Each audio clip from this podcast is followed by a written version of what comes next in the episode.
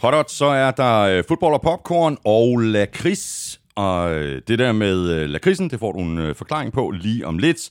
Du har ørerne i NFL-show, der er produceret af Kvartrup Media og optaget live on tape i samarbejde med Tafel og Hello Fresh. Og vi har selvfølgelig en øh, omgang ugen spiller fra Tafel senere i udsendelsen, og så skal vi endnu en gang tale om Hello Fresh og deres øh, fremragende måltidskasser. Og hvis du endnu ikke er med i HelloFresh-klubben, så kan du altså slå til allerede nu og spare op til 550 kroner på dine første fire måltidskasser. Og det kan du, hvis du går ind på hellofresh.dk og bruger koden NFL. Mere HelloFresh senere i den her udsendelse, hvor du ud over den øh, sædvanlige dækquiz fra Søren Armstrong får vores bud på, hvordan første runde i årets draft kommer til at forløbe. Elming og jeg skiftes til at vælge spillere i NFL-shows officielle mock draft, og derudover så vælger vi også en spiller for de øh, fire hold, der ikke har et pick i første runde. I virkelighedens verden, der går den rigtige draft i gang natten til fredag dansk tid, og vi er sikre på, at du glæder dig mindst lige så meget til draften, som vi gør. Og så glæder jeg mig faktisk også rigtig meget til øh, udsendelsen i næste uge, Elming. Ikke mindst fordi, og nu kommer vi til det der med lakrisen, fordi i næste uge, der har vi nemlig Bagsvær Lakris med os som partner, og i den forbindelse, der får alle, der støtter os på øh, tier.dk, chancen for at vinde for 290 kroners håndlavet og prisvindende kvalitetslakrids fra Bagsværd og Kris. Hver fem, og du støtter med, giver dig et lod i lodtrækningen. Og Claus Elming, du ved også godt, hvordan den her lakrids den smager. Ikke bare øh, ved jeg, hvordan den smager. Det øh, gør rigtig mange i min omgangskreds også, fordi øh, jeg har simpelthen øh, altså jeg, jeg har fået nogle, nogle, nogle af de her pakker lakrids, og jeg er simpelthen så vild med dem, så jeg har, jeg har lige, øh, udover det med at have spist selv, så har jeg lige givet en enkelt øh, til en ven eller to, og øh, de bliver vanvittigt overrasket over, at lakrids kan smage på den måde der. Det er, det er helt vildt. Øhm, så øh, det, er, det, det er sgu en god oplevelse, det må jeg sige. Det er det. Så øh, ind på øh, tier.dk og sign op, hvis du vil give dig selv øh, chancen. Der er i forvejen 666 superfans af showet, der bakker op om os lige nu. Tusind tak til hver og en af jer. Der ligger også et øh, link til øh, tier.dk øverst på nflsøde.dk. Det ligger lige ved siden af linket til vores shop, hvor du kan købe lidt af vores øh, merchandise, som for eksempel hoodies, sweatshirts, forklæder, mundbind og kopper, og jeg skal komme efter dig. Der er mange forskellige ting at vælge imellem. Du ved, hvor du finder os. Det er alle de sædvanlige steder, plus på Danmarks største og bedste fodboldsite, gulklud.dk, og selvfølgelig på nflshow.dk. Tak fordi du downloader og lytter og bruger lidt af din tid sammen med os. Jeg hedder Thomas Kvartrup, og her kommer min medvært.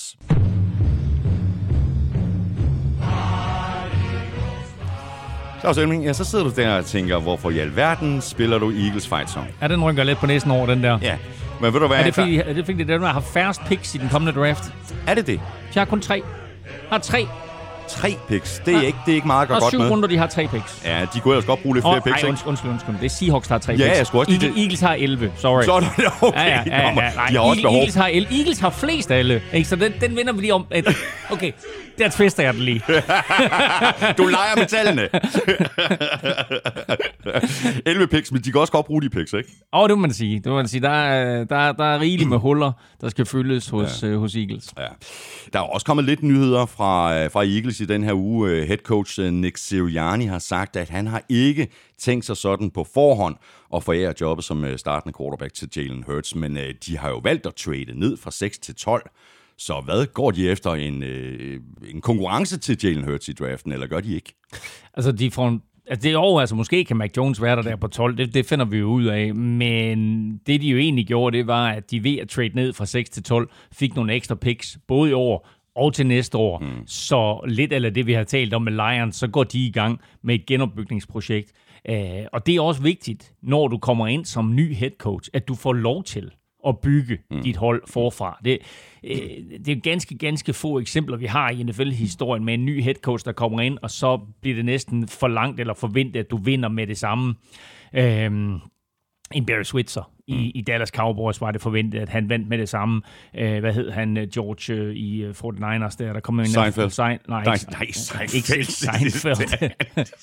Seaford. Seaford, George Seaford, der, George kom, ind, Seaford. der kom ind efter Bill Walsh, øh, var også forventet, og, og gjorde det jo ikke. Men, men det var også fordi, på det tidspunkt, der var NFL jo en anden størrelse. Der kunne man jo beholde 35 spillere i klubben. Øh, Der var ikke alt det her med, med free agency og så videre. Selvfølgelig var dra- draften en væsentlig faktor, men nu her, hvor, hvor du kun har et franchise tagger kan beskytte en spiller, så er draften og free agency en væsentlig faktor. Derfor så er det også vigtigt for Nick Sirianni og hans crew, at de får lov til at, at bygge det her op på den måde, de gerne vil bygge det op på. Har du hørt uh, historien om, at uh, Nick Sirianni uh, under uh, Zoom-møder med, uh, med flere draft prospects har spillet sten, saks, papir med spillerne, for ligesom at teste deres vindermentalitet.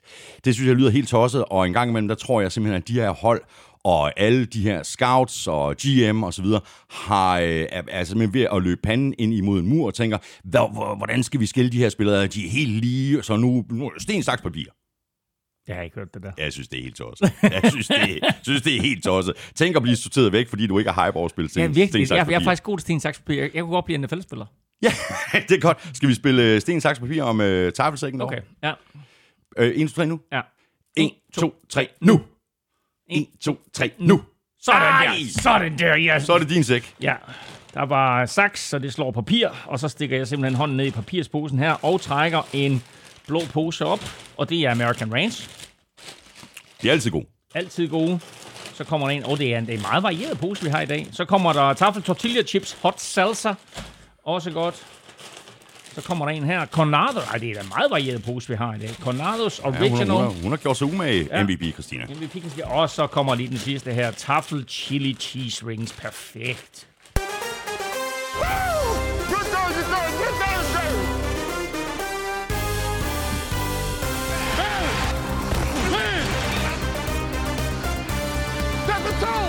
Da tonen er sat, og natten til fredag dansk tid er ventetiden over. De 32 mandskaber skal vælge deres favoritspillere i draften.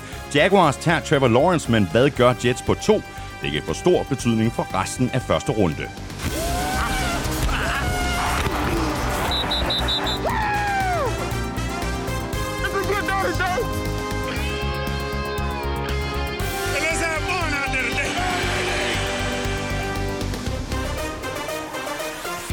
Der er blevet lavet masser af mock drafts, og alle vi fans har hver vores ønsker klar for de hold, som vi holder med.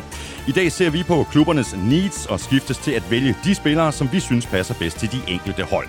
Jeg hedder Thomas Kvartrup, og med mig har jeg Claus Elming. Give me one now, folks.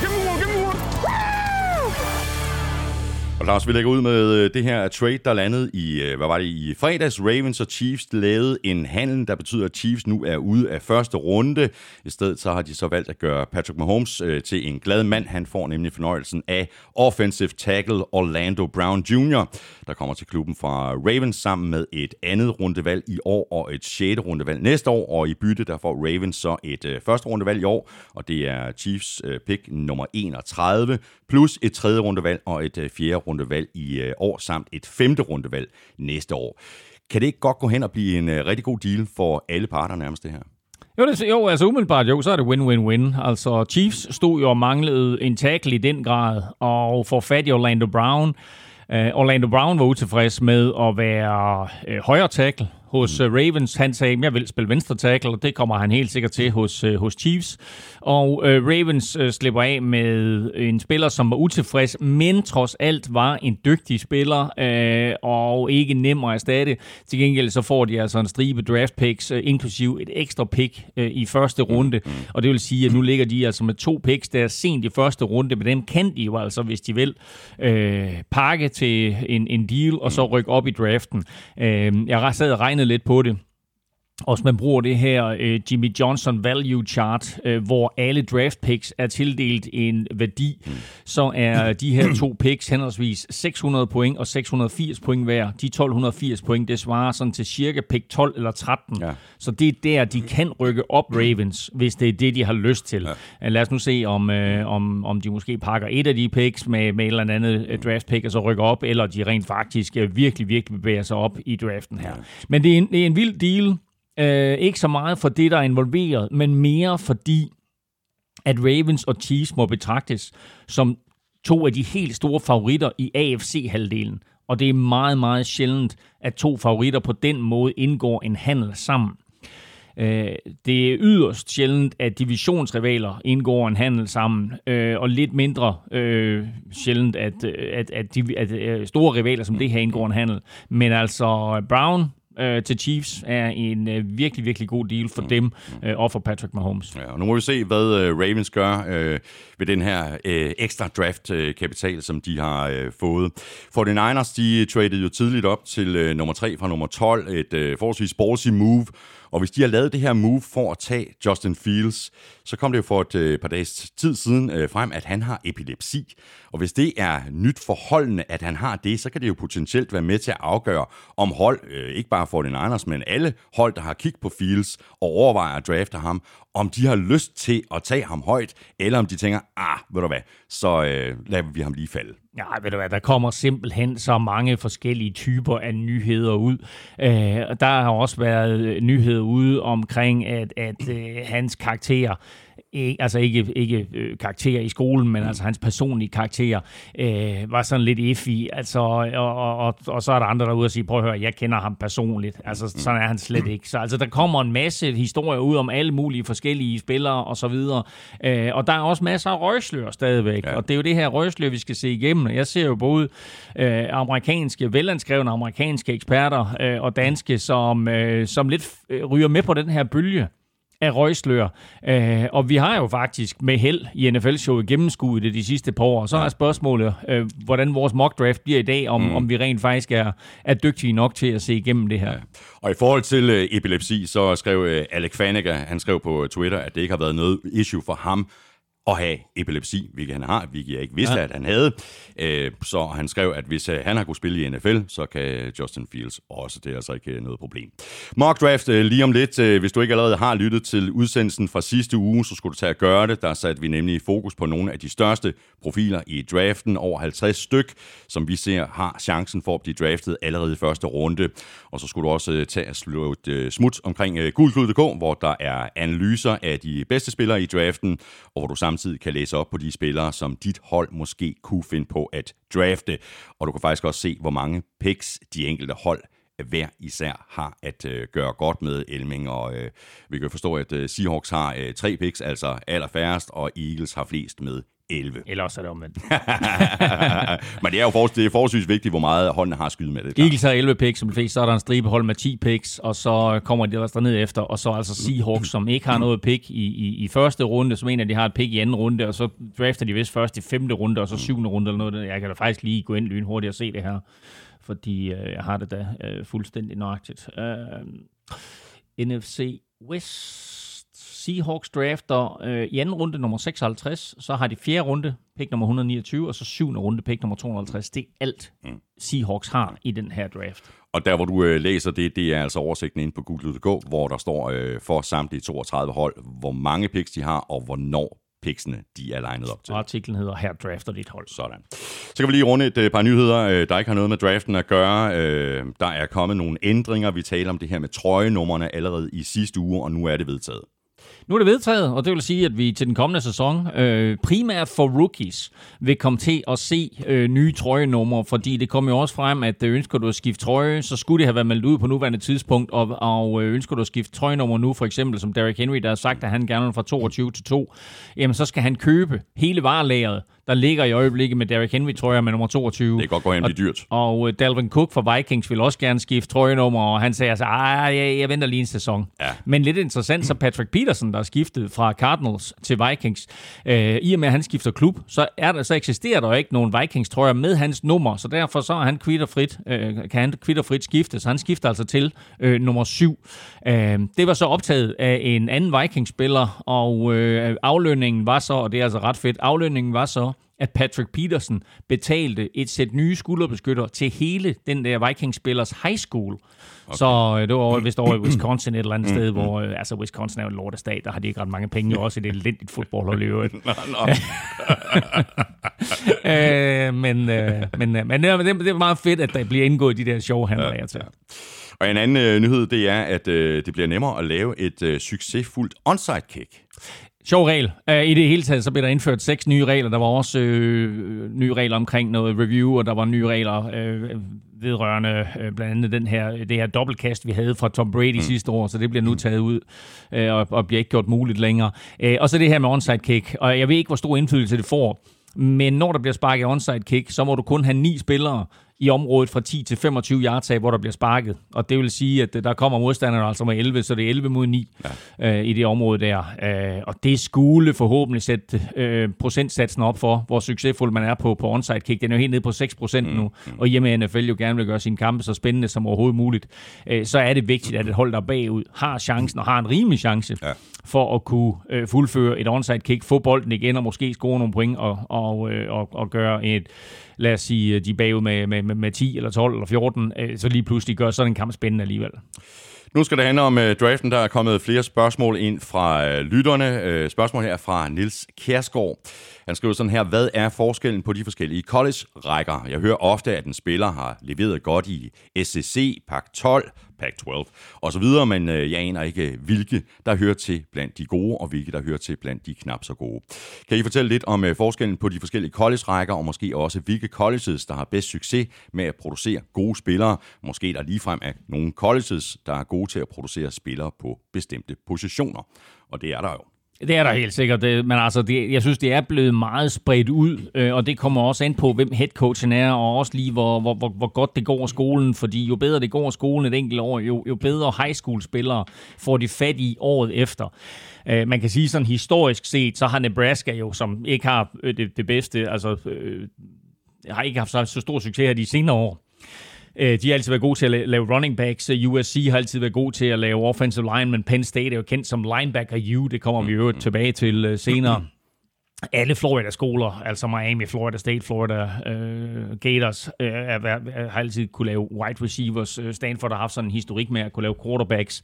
Uh, Alabama og Ohio State her i de senere år laver jo bare gode fodboldspillere mm. uh, hele vejen rundt. Men med hensyn til det her med opdelingen, så skriver han SCC, der, der tror jeg, han mener ACC, som står for Atlantic Coast Conference. Der findes, uh, principielt findes der Øh, 129 første divisionsskoler, og de er inddelt i øh, 10, øh, 10 konferencer, og så en uafhængig konference. Og de her 10 store konferencer, de kaldes henholdsvis Power 5, det er de fem helt store, øh, og, så, øh, og så Group of 5, som er de fem mindre. Øh, men de der Power 5, det er der, hvor vi finder alle de store skoler, alle de her skoler, som virkelig producerer øh, toptalent.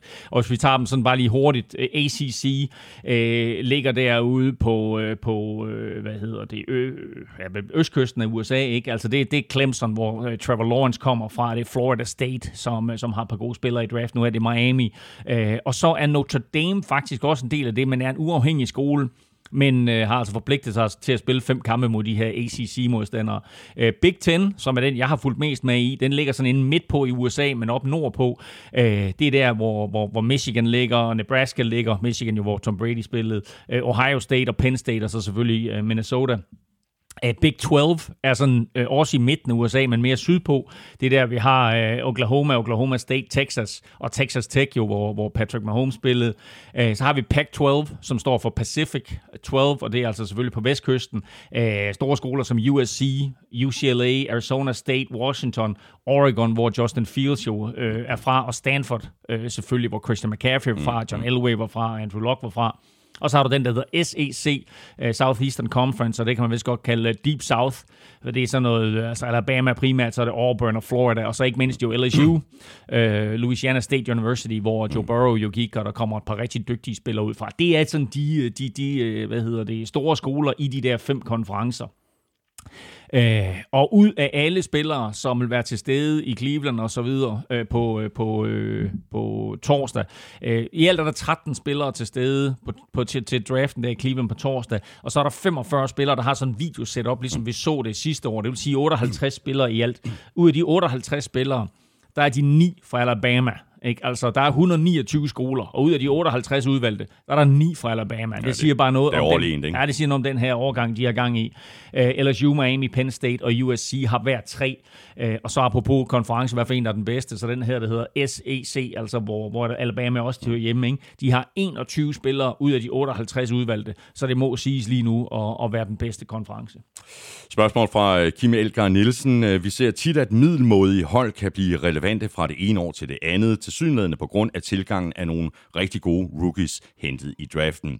Det er selvfølgelig lidt øh, simplificeret, da der også er free agency, nye folk i trænerstaben osv., men det virker næsten som om, at et par rookies kan vende skuden enhændigt. Det svarer i princippet til, at man i almindelig fodbold henter et par spillere op fra U21-holdet, og så går fra at være nedrykningskandidater til at være medaljefavoritter. Og det ser vi jo slet ikke på samme måde. Hvad er jeres forklaring på, at så unge og uerfarne spillere kan gøre så stor en forskel? Ej, jeg synes, at for de fleste, så, så kommer de jo ind øh, væsentligt senere end de fleste fodboldspillere. Altså når fodboldspillere de kommer op, ikke, Jamen, altså, så, er det jo sådan, øh, så, så starter de jo som regel allerede som 17, 18, 19 år. Her der kommer de altså først ind i NFL som 20, 21, 22, 23 år, nogle gange senere. Øh, og så er de jo blevet sorteret og udvalgt fra de var helt små, altså fra de gik i, i, i 0. til 4. klasse, til de kom på junior high, til de kom på high school. Og så fra high school, der er det jo ikke så meget positionen, du henter ind på college, som det er atleten. Så der henter du altså en atlet ind, og så går de jo nærmest i fodboldskole der, øh, inden de så, øh, ligesom hvis man finder ud af, hvad for en position er det, de skal dygtiggøre sig til, og så bliver de godt klar til at træde ind, på, øh, træde ind i NFL på, på højeste niveau. Nogle fejler, andre får succes, og det er jo her, man, man, man taler om busts, og hvor vigtigt det er at ramme plet, og det kommer vi jo tilbage til i dag, og det kommer vi selvfølgelig tilbage til i næste uge, når vi skal se tilbage på draften. Og så synes jeg måske, at det er, at, at spørgsmålet her er en lille bitte smule overdrevet, fordi det er jo egentlig kun de hold, som er en enkelt eller to spillere fra, der virkelig får gevinst her og nu.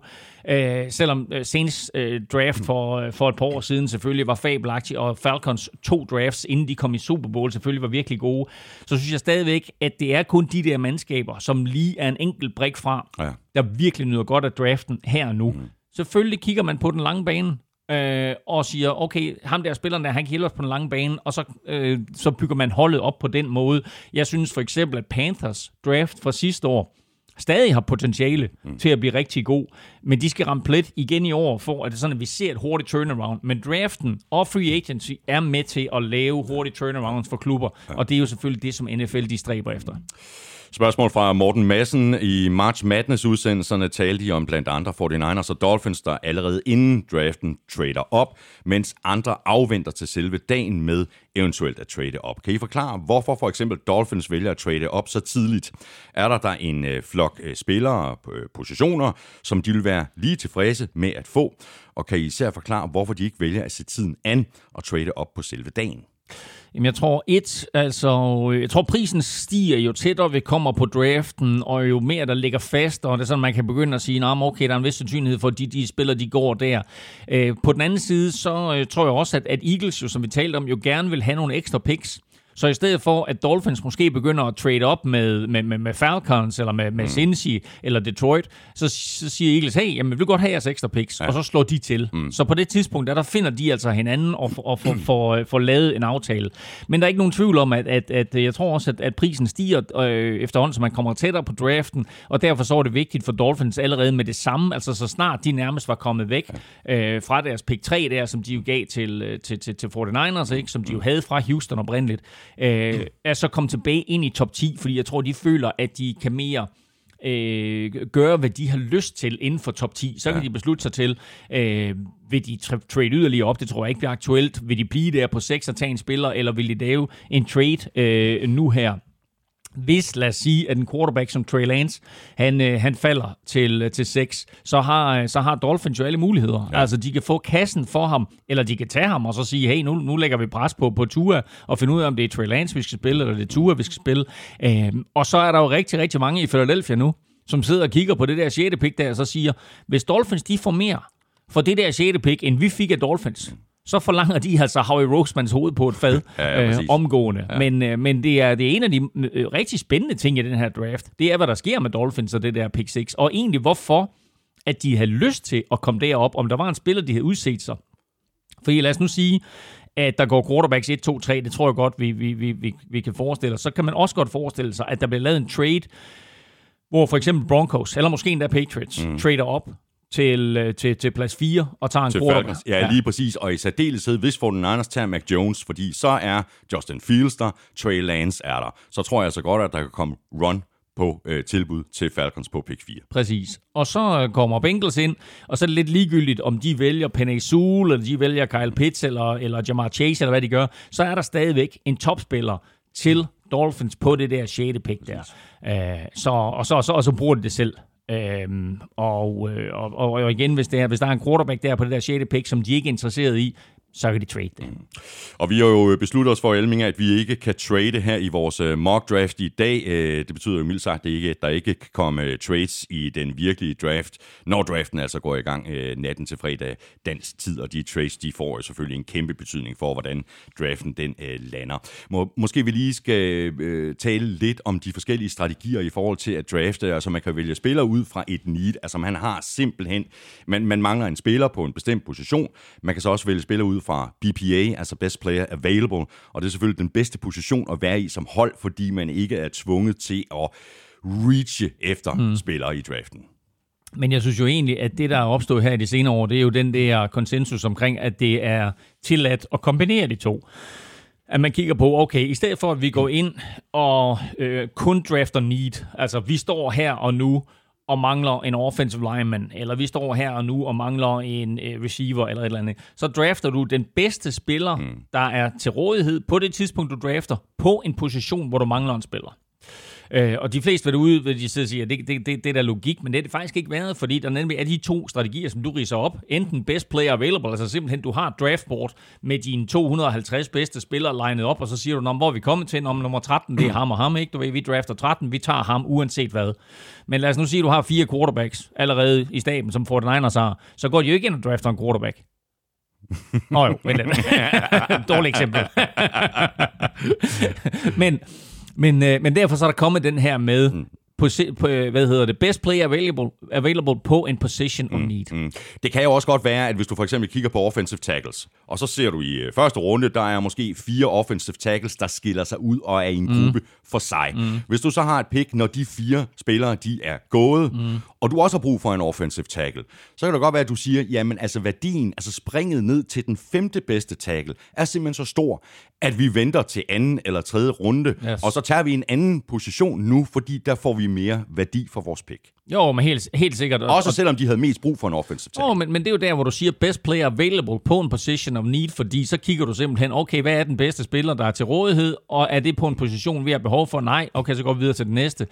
Og så vil jeg sige, at når du er forbi første og anden runde, og måske til dels også tredje runde, så begynder du faktisk udelukkende at drafte best player available. Det er ja. i hvert fald min strategi, fordi når du så kommer derned, jamen altså, så tager du den spiller, som på papiret er bedst, og som du rangerer højst, fordi der er en vis sandsynlighed for, at han så måske kan slå en af dine andre spillere af, og jo, når de er draftet så sent, er en ganske, ganske billig arbejdskraft. Vi skal have quizzen! Åh. Oh. Det er tid til quiz, quiz, quiz, quiz, quiz. det er nemlig tid til quiz, quiz, quiz, quiz, quiz. Jeg har to quizzer til dig. Oh. To draft quizzer. Jeg kunne ikke rigtig bestemme, for mig, hvilken, hvilken rækkefølge du skulle er det, have dem i. Er, så... er vi ude i nej. noget med noget farver eller noget? Nej, nej det er vi ikke. Øh, hvad hedder det? Øh... Ingen komplutter, jeg skal vælge? Nej, nej, nej. Vi er faktisk ude i det, sådan at, at jeg har valgt at gøre det på den måde, at du får den ene i dag, og så får du den anden på tirsdag. Åh, oh, det er hyggeligt. Øhm, og den i dag øh, er, de er sådan til begge to historiske, men den her i dag, der der... Øh, ah, du kan godt, du kan godt regne noget. Du kan godt regne noget. Det drejer sig om quarterbacks.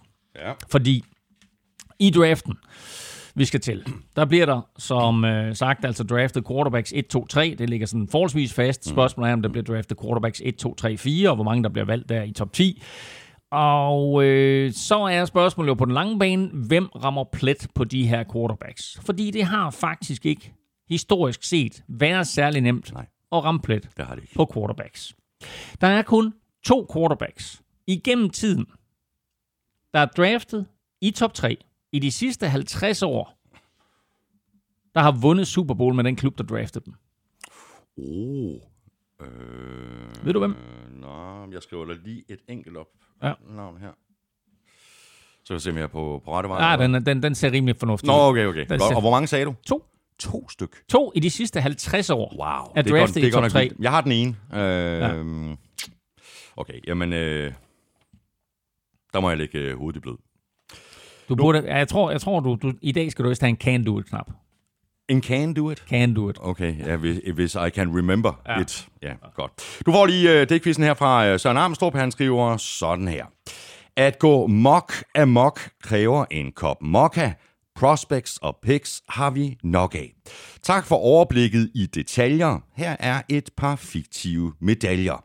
Nogle ligner The Rock, og nogen går nok i chok. Sådan er det, når NFL-showet går amok i mok. Hvem overrasker, og hvem tager mit hold?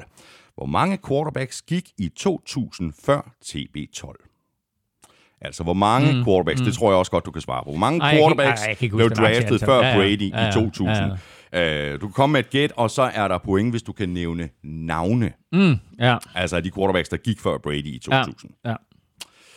Godt, jamen øh, jeg er spændt på at se, øh, hvor mange af dem du kan, du kan ramme. Nu går vi i gang med vores øh, mock draft, Elming. Øh, Jaguars, de har jo øh, pick nummer et. Må jeg øvrigt, øh, inden du går videre, øh, altså virkelig, virkelig fedt skrevet det der. Mok, mok amok. Det er, det er Chok- super fedt. Chok, chok, mok amok. Ja, Øh, Armstrong er dygtig. Nej, Jo, han er. okay. Jaguars har pick nummer et. Øh, Jaguars, de har andre behov end quarterback. Øh, de kan også være på jagt efter noget til den offensive linje, tight end, wide receiver, linebacker, edge. De kan stort set bare gå gennem draften og tage best player available. Det er så også det, de gør på pick 1, hvor de ovenikøbet kan få øh, adresseret den vigtigste position i fodbold med et af de allerstørste talenter i mange, mange år. Elming, det er dig, der har fået æren af at vælge først, og det er årets nemmeste valg. Eller hvad? Jamen altså, jeg, jeg, jeg føler ikke, jeg har fået nogen intro. Altså, jeg skal have sådan en. With the first pick. With the first pick of the 2020 Jaguars NFL med- showet mock draft. Jaguars tager med pick nummer 1.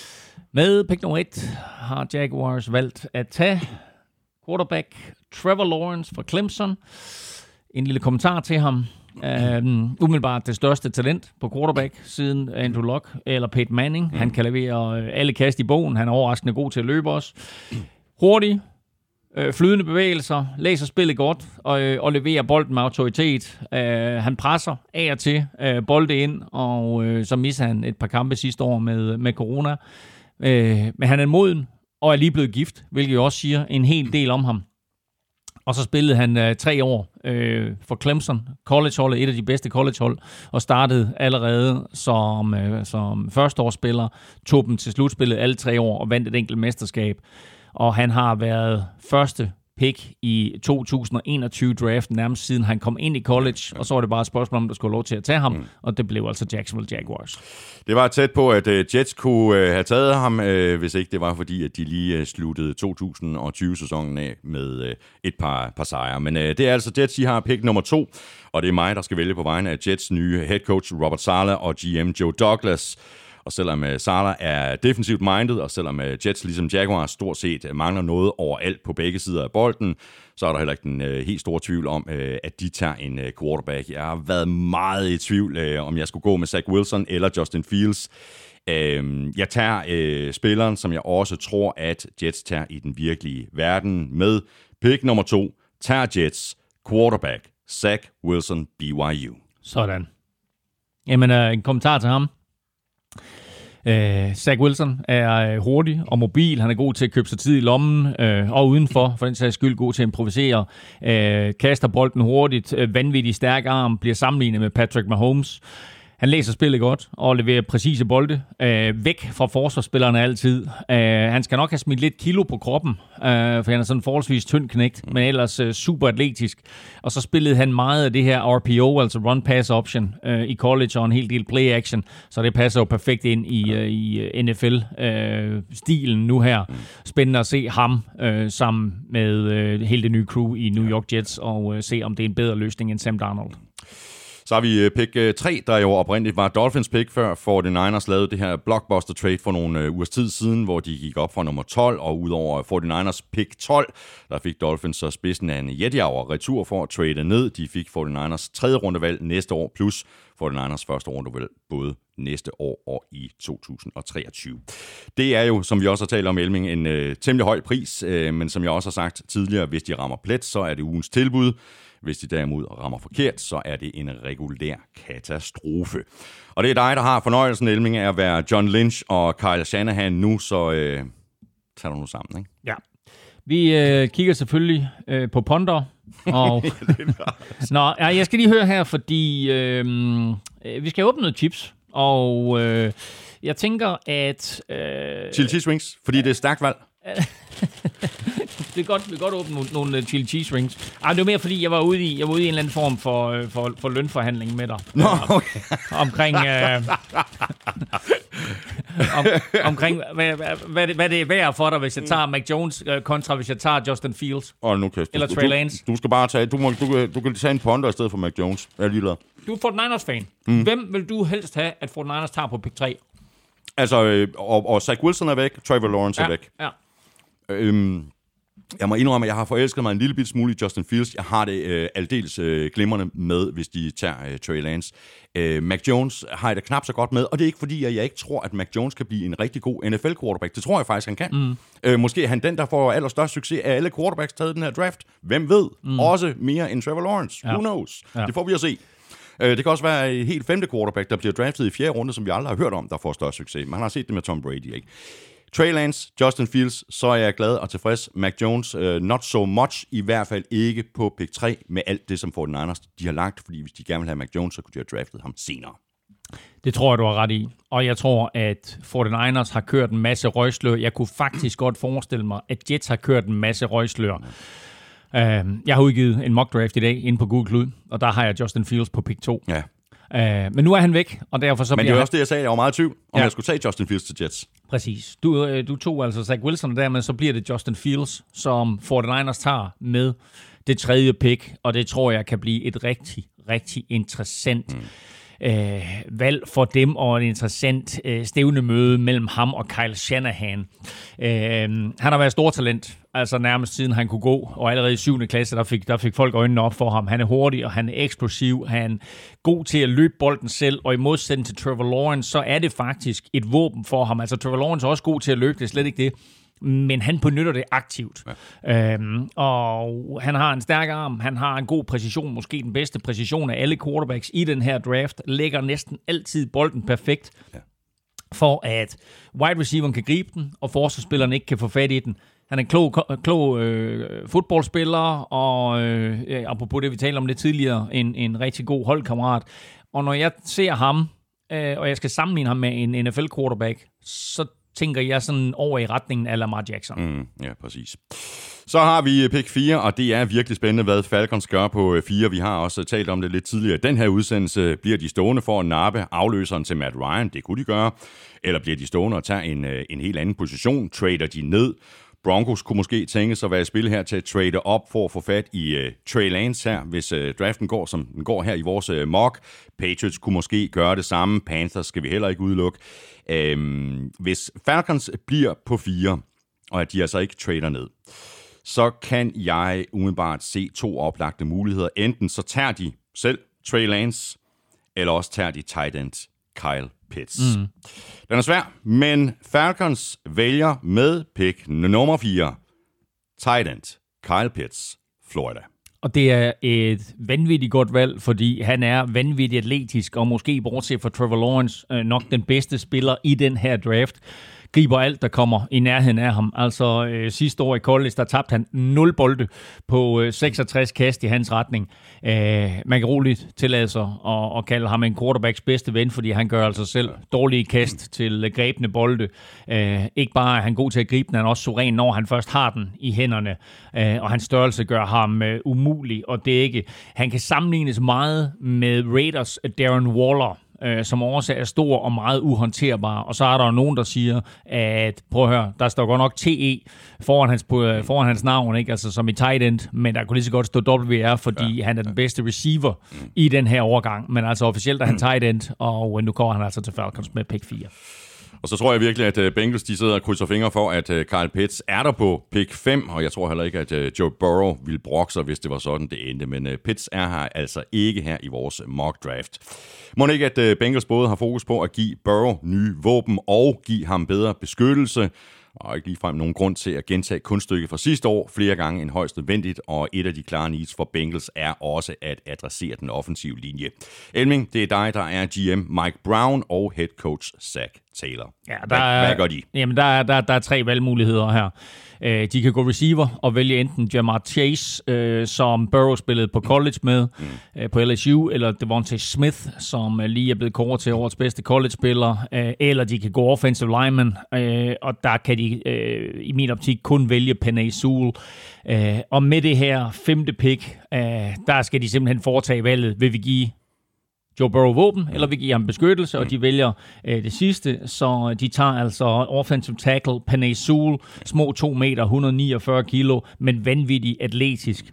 Spillet for det koldeste hedder Oregon, og det vil sige, at han altså var left tackle for Justin Herbert. Øh, sad ude hele sidste år til 2020-sæsonen, men øh, har på trods af det bevaret sin status øh, som den bedste tackle i den her draft.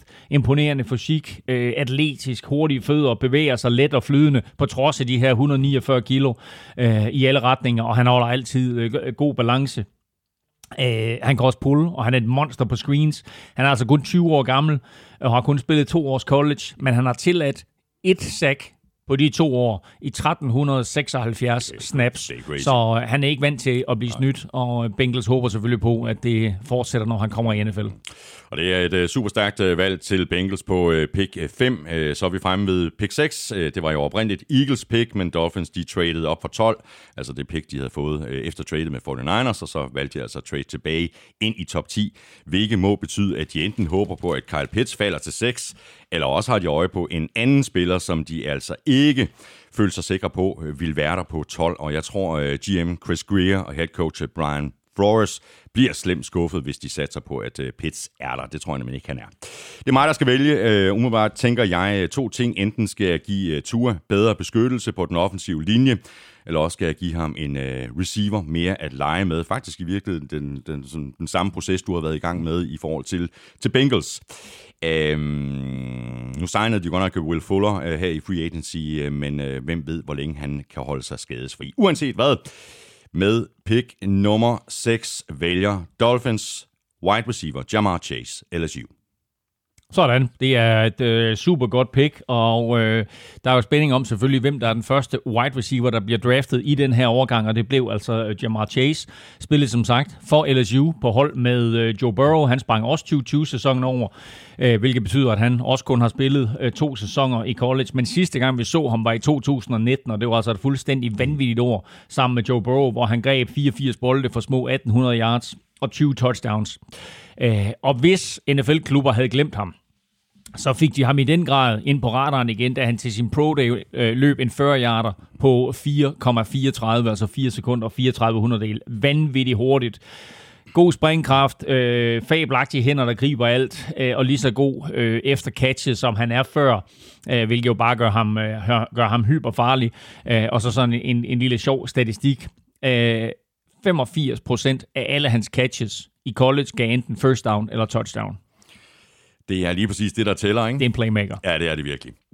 Lions, de har øh, pick nummer syv, øh, og jeg tror også godt, de kunne tænke sig øh, Jamar Chase. Øh, det kunne øh, Jared Goff i hvert fald nok godt tænke sig. Lions er jo i gang med en øh, helt frisk start, og øh, de kan gå mange veje her med deres øh, første valg i årets draft, så øh, strategien kunne være best player available. De kan også tage Trey Lance her, selvom de lige har tradet sig til øh, Jared Goff. Øh, skal vi ikke udelukke. Elming, øh, det er dig, der er GM Brad Holmes og head coach Dan Campbell. Så du har vel uh, kigget på en uh, spiller, der er klar til at bide knæskallerne af modstanderne. det må godt forestille sig. Um, og hvis man ikke lige forstår den reference, så er det fordi uh, Lions nye head coach Dan Campbell sagde, at vi skal være aggressive, vi skal bide modstanderne i knæskallerne, og så stod alle folk og sagde, okay. What, what's he talking about? um, interessant her, fordi du har nemlig lige nøjagtigt ridset alle de ting op, øh, som der er for øh, Detroit Lions. Øh, de kunne godt vælge en quarterback mm. som, øh, som Trey Lance, der jo rent faktisk stadigvæk er der. Så jeg sidder der her som GM og tænker, okay, er det, ja. er det allerede nu, at vi tænker fremtid. Ja. Vi har masser af picks til næste år også, men det her er en god quarterback-overgang. Skal vi tage mm. Trey Lance? Men øh, Lions, de går altså i en anden retning og siger, prøv at høre, vi har jo mistet alt, hvad der overhovedet hed receiver. Kenny Golladay er væk, Marvin Jones er væk, så vi vælger Devontae Smith der lige har vundet Heisman Trophy og college-mesterskabet med Alabama. Helt fantastisk receiver. Det er han, øh, og vanvittig atletisk, men meget, meget tynd. Han nægtede at lade sig veje øh, til sin Pro Day og i forbindelse med Senior Bowl, øh, simpelthen fordi han ville højst sandsynligt ikke have, at NFL-klubber de fandt ud af, hvor let han er. Øh, det er en bekymring for mange klubber, og måske også derfor, at han bliver overhalet af, af Jamar Chase. Men altså, han er røvhurtig. Han løb allerede i high school en 100 meter på 10,37 60. Øh, så han har altså noget, noget fart i stængerne. Han har også lækre fødder på sidelinjen. Han griber alt, der kommer i nærheden af ham.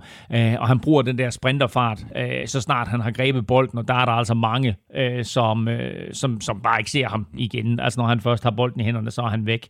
Øh, han er tynd, men han er stærk. Og han er heller ikke bange for at blokere os med den der lille tynde krop ind og, og blokere større spillere.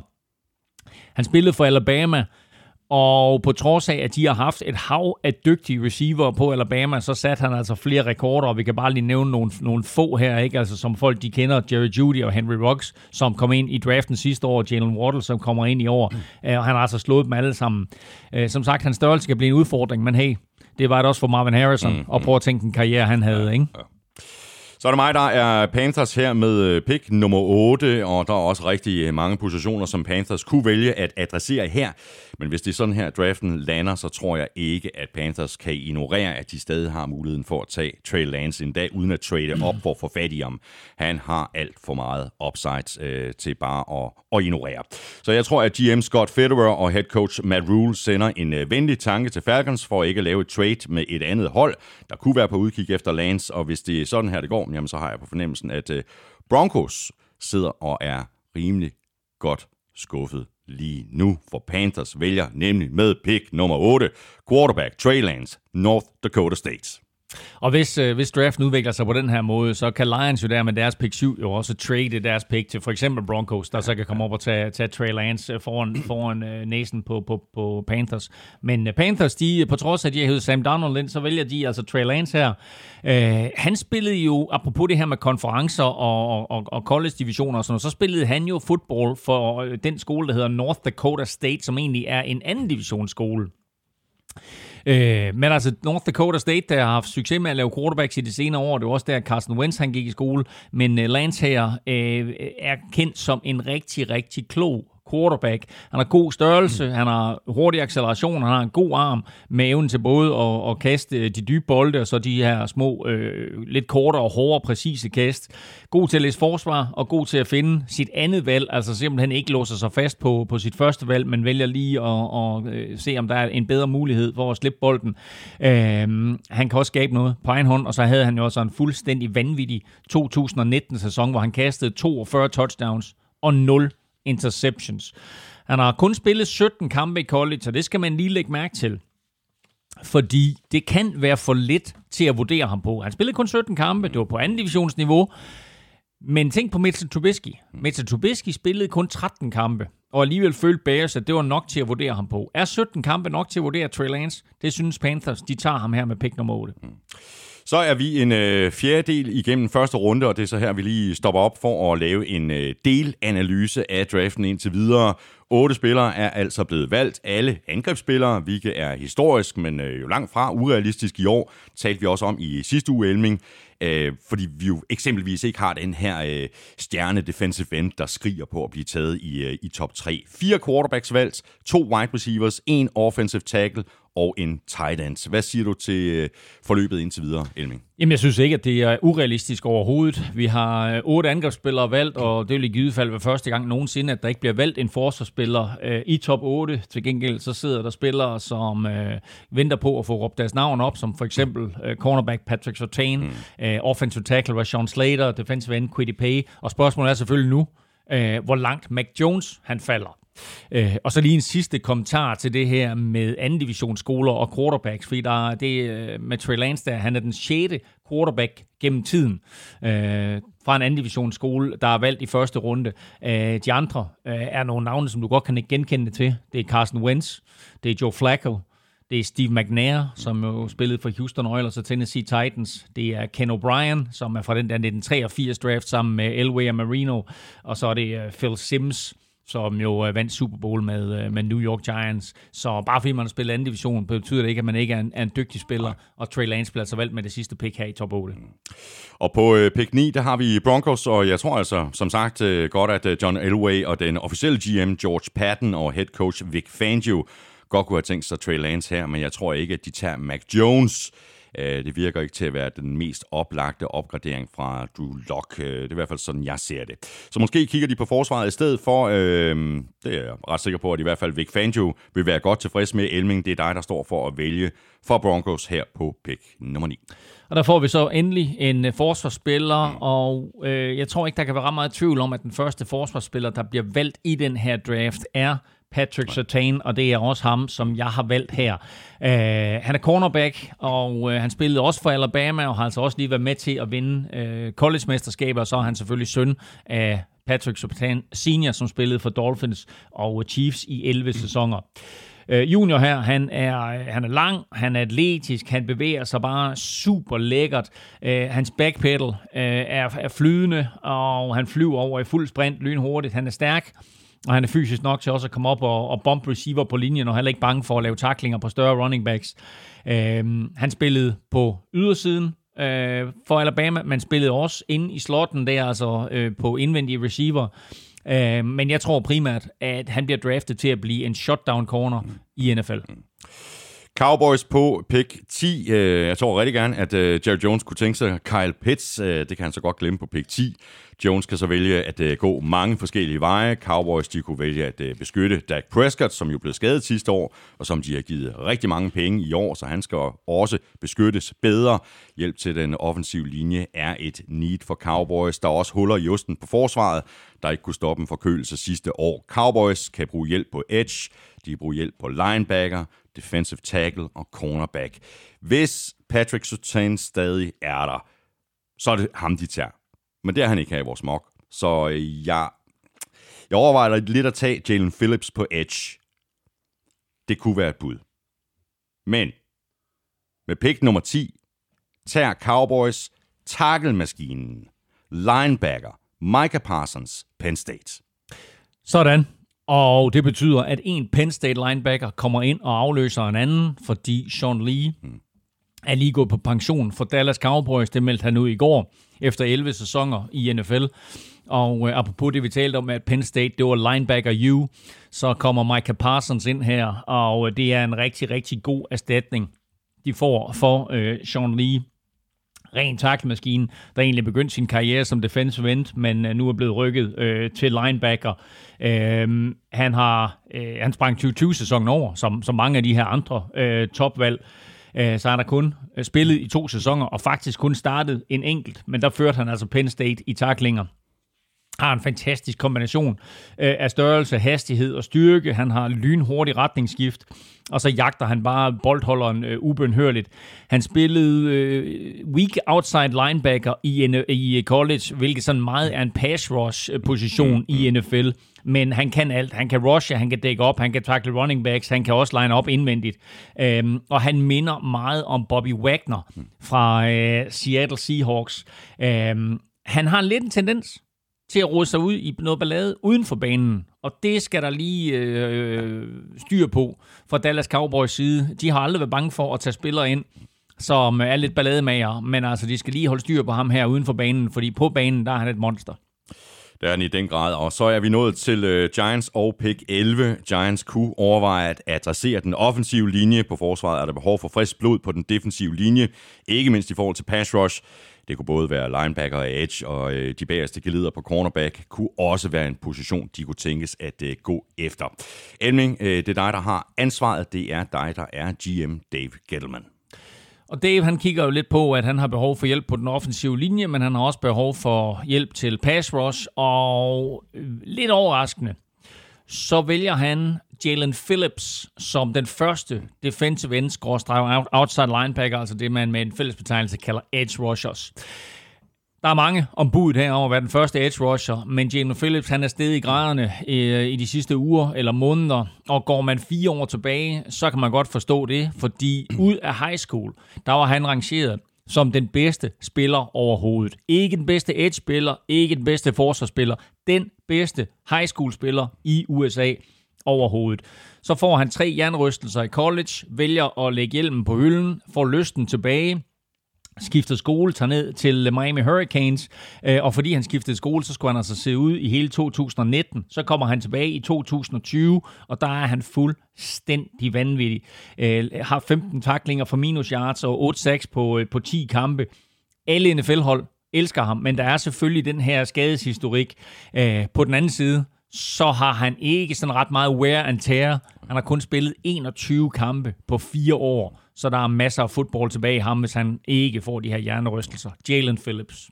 Vi krydser fingre for, at øh, han klarer den også i øh, NFL, og dermed er vi fremme ved pick 12, der jo oprindeligt var 49ers pick, inden de lavede tradet med Dolphins, og så valgte Dolphins altså at trade op til 6, og Eagles overtog så pick 12. Eagles kunne potentielt øh, have været på jagt efter en quarterback, det kan de sådan set øh, stadig være. Derudover så kunne øh, wide receiver, cornerback og linebacker være positioner, som øh, Eagles også har et vågent øje på og de må have gjort op med sig selv, at øh, der vil være flere spillere, som de er komfortable med her på pick 12, siden de valgte at trade ned. Patrick Sertan er væk på cornerback, men jeg tror faktisk lige præcis, det er cornerback, de går efter her. Det kunne de i hvert fald vælge at gøre. Her i vores mock draft vælger Eagles med pick nummer 12, cornerback J.C. Horn, South Carolina. Sådan, det er et øh, super godt pick. Uh, faren er legenden Joe Horn, der også har spillet i NFL, uh, spillet 12 sæsoner som wide receiver for Chiefs, Falcons og ikke mindst Saints, hvor han jo uh, nok mest huskes for at gemme en mobiltelefon under den ene målstolpe. Uh, Sønneke er også godt bygget, og er bare uh, opdraget. Jeg så sådan nogle videoer med, med faren, der coacher sin søn der og så videre. Ikke? Altså, han er opdraget for barns ben til at skulle være ja, NFL-spiller. Fuldstændig flasket op. Præcis. 185 cm og cirka 90 kilo. Uh, fin højde, godt bygget, meget atletisk. Uh, shutdown corner som faktisk ofte fulgte med modstandernes bedste receiver. Det vil sige, det er ikke sådan noget med at holde lås til højre eller venstre side. Man kiggede simpelthen på, hvem er modstandernes bedste receiver, og så satte de øh, Joe Horn Jr. der, øh, hvad, hvad hedder han, øh, øh, JC Horn selvfølgelig, mm. øh, på, på modstandernes bedste receiver, øh, og, og så lukkede ham ned. Derudover læser han spillet super godt, genkender øh, lynhurtige ruter og kombinationer, øh, og så takler han både hårdere og bedre end mange af de andre øh, cornerbacks i den her årgang. Hvad så, Elming? Nu er det Chargers på pick 13, så er vi øh, ude i flere våben til Justin Herbert. Er det hjælp på den offensive linje, eller er det i stedet forsvaret, som GM Tom Telesco og Chargers nye head coach Brandon Staley adresserer her på pick 13. Jeg er meget spændt på dit valg her. Ja, men de havde ikke så stor held med deres quarterback sidste år, så de går quarterback igen. Uh. Nej, altså øh, det korte lange det er, at de godt er klar over, at de har øh, ramt jackpot med Justin Herbert, og derfor mm. så skal de have noget beskyttelse ja. til ham med det samme. Øh, og faktisk er der en god spiller her, som er faldet øh, helt ned øh, til pick 13, og det er øh, offensive tackle Rashawn Slater. Slater. Rigtig godt valg. Fra, fra Northwestern.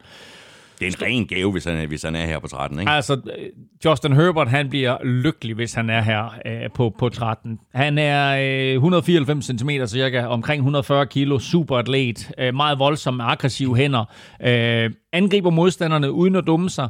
Øh, jeg synes, han er hurtig øh, og elegant ud af sin stance, og han er også god til at, at nå op til linebackers øh, og, og blokere dem. Uh, han er dygtig til at tage alle de rigtige bevægelser og stille sig rigtigt i pass protection. Uh, jeg har sammenlignet lidt ham og Panay Sul, og Panay Sul er bare så meget bedre end atlet. Altså, jeg synes, det er helt vanvittigt, så meget bedre Panay Sul er end alle andre i den her årgang. Men Rashawn Slater er altså den næstbedste offensive tackle i den her årgang. Uh, han har startet 37 kampe i college på både højre tackle og venstre tackle. Og uh, Chargers er lykkelig for at kunne vælge ham. Øh, og Justin Herbert og ham, de bliver bedste venner fremover. Ja. Så har vi din uh, Vikings, Elming. Jeg er jo glad for, at du tog uh, Justin Fields til 49ers, så nu håber jeg, at du bliver lige så glad for den uh, kicker, jeg vælger til jer her mm. på uh, pick 14. Mm, mm. Mm, mm. Vikings uh, har jo i uh, årvis uh, haltet lidt på den offensive linje, så tackle er klart en mulighed her.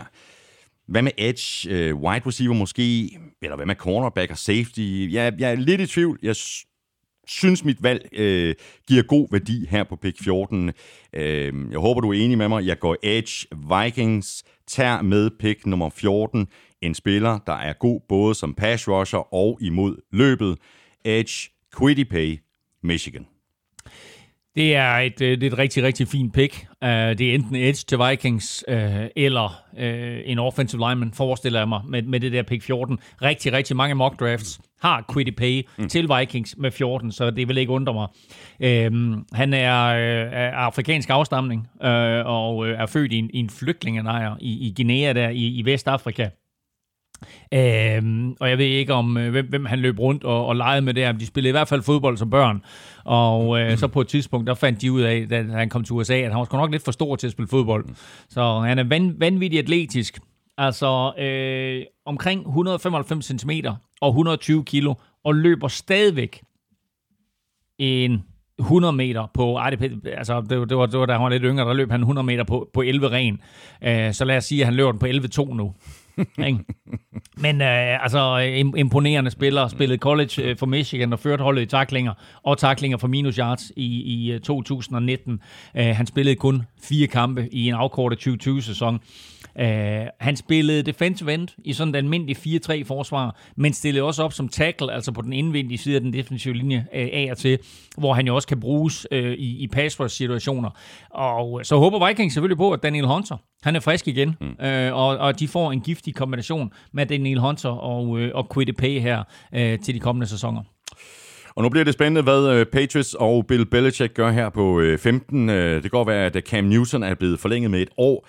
Jeg har meget vanskeligt ved at se ham som nogen langsigtet løsning, og det er jo også derfor, at vi ikke har udelukket, at Patriots for en gang skyld kunne tænkes at trade op her i år, hvis de altså mener, at der er en quarterback, som er værd at trade op for, når top 3 er væk. Patriots har også brug for hjælp på defensiven, både på linebacker og på edge og på cornerback, og på angrebet kunne holdet også godt bruge nyt blod på running back i virkeligheden også på wide receiver, selvom de jo har adresseret den position øh, her i free agency. Hvad gør Belichick på pick nummer 15, Elming? Nu bliver det spændende. Det bliver spændende af flere årsager. Et, fordi Patriots har så højt et draft pick, som de har, og måske endda kunne trade op for at få en quarterback tidligt i draften. Det bliver også spændende, fordi de i de senere år har fuldstændig misset deres picks i både første, ah, ikke så meget anden runde, men, men primært i første runde. Øh, og nu skal de altså ramme plet, når de har så højt et pick. Der er en receiver derude, der hedder Jalen Wardle, ja. som, øh, som de godt kunne vælge. De har ikke haft held med at, at drafte receiver. Det sidste fejlskud, vi husker, det er Nikhil Harry. Um, men, øh, men Jalen Wardle, der kunne de altså godt ramme plet. Men de kigger på det her draftboard, og så ser de, at Mac Jones, han stadigvæk er der. Og så siger de, ham her, han minder faktisk om Tom Brady som ung. Han er måske endda lidt mere atletisk end Tom Brady var som ung. Det siger heller ikke så forfærdeligt meget. Så øh, Bill Belichick, han siger til Josh McDaniels, hey, har du stadigvæk den der gamle playbook? Har du stadigvæk, har du stadigvæk Bradys playbook? Så vælger vi sgu Mac Jones. Og det er den ja, retning, ja. Som, øh, som New England de går i. Så de vælger altså øh, Mac Jones og forhåbentlig fremtiden og forhåbentlig en quarterback, som kan føre dem tilbage til at være duks i, i AFC East ja, og, og, og for en sags skyld NFL. Og vent du bare at se, hvis det er Patriots, der tager Mac Jones her på 15, så bliver han den nye Tom Brady. Han bliver i hvert fald omgående sammenlignet, og det er jo ja. fuldstændig vanvittige sko at skulle træde i, du ved, og, og, og, og, og give håb tilbage til, til Patriots fans. Altså, det er en urimelig position øh, at, at komme ind i, men øh, han er en klog dreng, øh, og jeg tror, han tager det sådan lidt op fra øh, og ned, øh, så jeg håber, at, at han, han kommer ind her på trods af en vanskelig situation, øh, og, og både øh, klarer sig godt, og, øh, og måske også er i stand til, øh, om ikke at få, få fansene til at glemme Tom Brady, så i hvert fald acceptere, at øh, nu er der en, øh, en ny quarterback, og, og en ny æra øh, er begyndt. Han har en, øh, han har en præcis arm. Den er måske ikke lige så stærk som, øh, som de andre fire topvalg. Well, øh, topvalg. Øh, og så kan han altså ikke skaffe dig en første down, øh, om du så betalt ham for det. Øh, det er ikke det, der ligger i hans spil. Han står inde i lommen, og han bevæger sig fint ind i lommen, og han holder fokus ned ad banen, og det er en vigtig kvalitet som, øh, som, som quarterback. Øh, jeg kan godt se Patriots øh, gå i en anden retning i den rigtige verden. Øh, draft en eller anden spiller, og så gå efter ham, der hedder Davis Mills ja, i anden runde. Ja, ja. Men nu her i vores mock, der tager de Mac Jones. Ja. Så har vi øh, Cardinals på pick 16. Cardinals har været øh, virkelig aktive og meget offensive her i free agency. J.J. Watt er kommet til på forsvaret, og på angrebet er der kommet endnu en superstjerne til i form af wide receiver A.J. Green, så nu må vi se, hvor meget de to har tilbage i øh, tanken. Kyler Murray er jo øh, super fed at se på. Han er ekstremt mobil, og det er sjovt at se ham scramble og tage røven på øh, forsvarsspillerne, som har meget vanskeligt ved at øh, nå ind til ham og få fat i ham. Øh. Men kunne det ikke være fedt, hvis han også fik øh, lidt mere tid i lommen? Vi har jo set øh, masser af eksempler på, hvordan det kan gå, når quarterbacks ikke får den nødvendige beskyttelse. Bare spørg en gang i Cincinnati. Så med pick 16 vælger Cardinals guard slash center Elijah Vera Tucker, USC. Sådan, og vi talte om, at USC traditionelt var en skole, der var god til at lave offensive linemen. Og her der laver de altså uh, Elijah Vera Tucker, som uh, godt nok og, uh, kommer ind i NFL, højst sandsynligt som guard eller center, men jo rent faktisk har spillet tackle ja. også i college. Og uh, ligesom vi talte om, at Sean Lee var gået på pension, så er Marcus Gilbert gået på pension. Vi har ellers glædet os til at se ham tilbage i en Cardinals-uniform, og når jeg siger tilbage, så er det måske uh, lidt overdrevet, fordi han har været to år hos Arizona, og han har ikke spillet en eneste down for dem. Han blev skadet inden sin første sæson, og han sad ud på coronalisten sidste år, og nu har han så valgt at trække stikket, så Marcus Gilbert har trukket sig tilbage fra NFL, og dermed så står Cardinals jo lige pludselig med et gabende tomt hul øh, på den offensive linje, og det fylder de altså her med øh, Elijah Vera Tucker. Uh, han har kun startet øh, 19 kampe i hele sin college-karriere. Øh, som sagt 13 som guard, og så 6 som, øh, som tackle. Uh, han er god til at pulle, han finder hurtigt linebackers og, og blokerer og rammer dem. Han spiller lige til fløjten, og som vi talte om sidste år, måske lige sådan en sekund efter den, men det kan NFL uh, godt lide øh, over 140 kilo, men stadigvæk meget bevægelig. Øh, og hvis man sådan skulle sammenligne ham, og det er måske en, en uh, lidt for god sammenligning, men der er mange NFL-hold, der har ham sådan hen eller sagt Martin-typen, mm-hmm. øh, og det er i hvert fald en flot sammenligning. Ja, det er det i hvert fald. Så er vi halvvejs gennem øh, første runde. Det er så her, vi lige kan nappe endnu en lille statusrapport, efter at der altså ikke blev taget en eneste forsvarsspiller i top 8. Så røg der fire i træk her mellem pick 9 og pick 16. Ja, der, der gik det stærkt, og der vil jeg også sige, at det var også de der øh, øh, top øh, forsvarsspillere, øh, vi fik set, selvom det måske øh, var lidt overraskende, at Jalen Phillips han gik så tidligt, øh, som han gjorde, og blev den første edge, der blev taget. En anden Jalen med efternavnet Waddle, han venter altså stadigvæk på at høre sit navn, hvilket måske er lidt af en overraskelse. Øh, Mac Jones faldt til gengæld til Patriots på pick 15, og så synes jeg, at Chargers de fik en gave i form af offensive tackle øh, Rashawn Slater der på pick 13.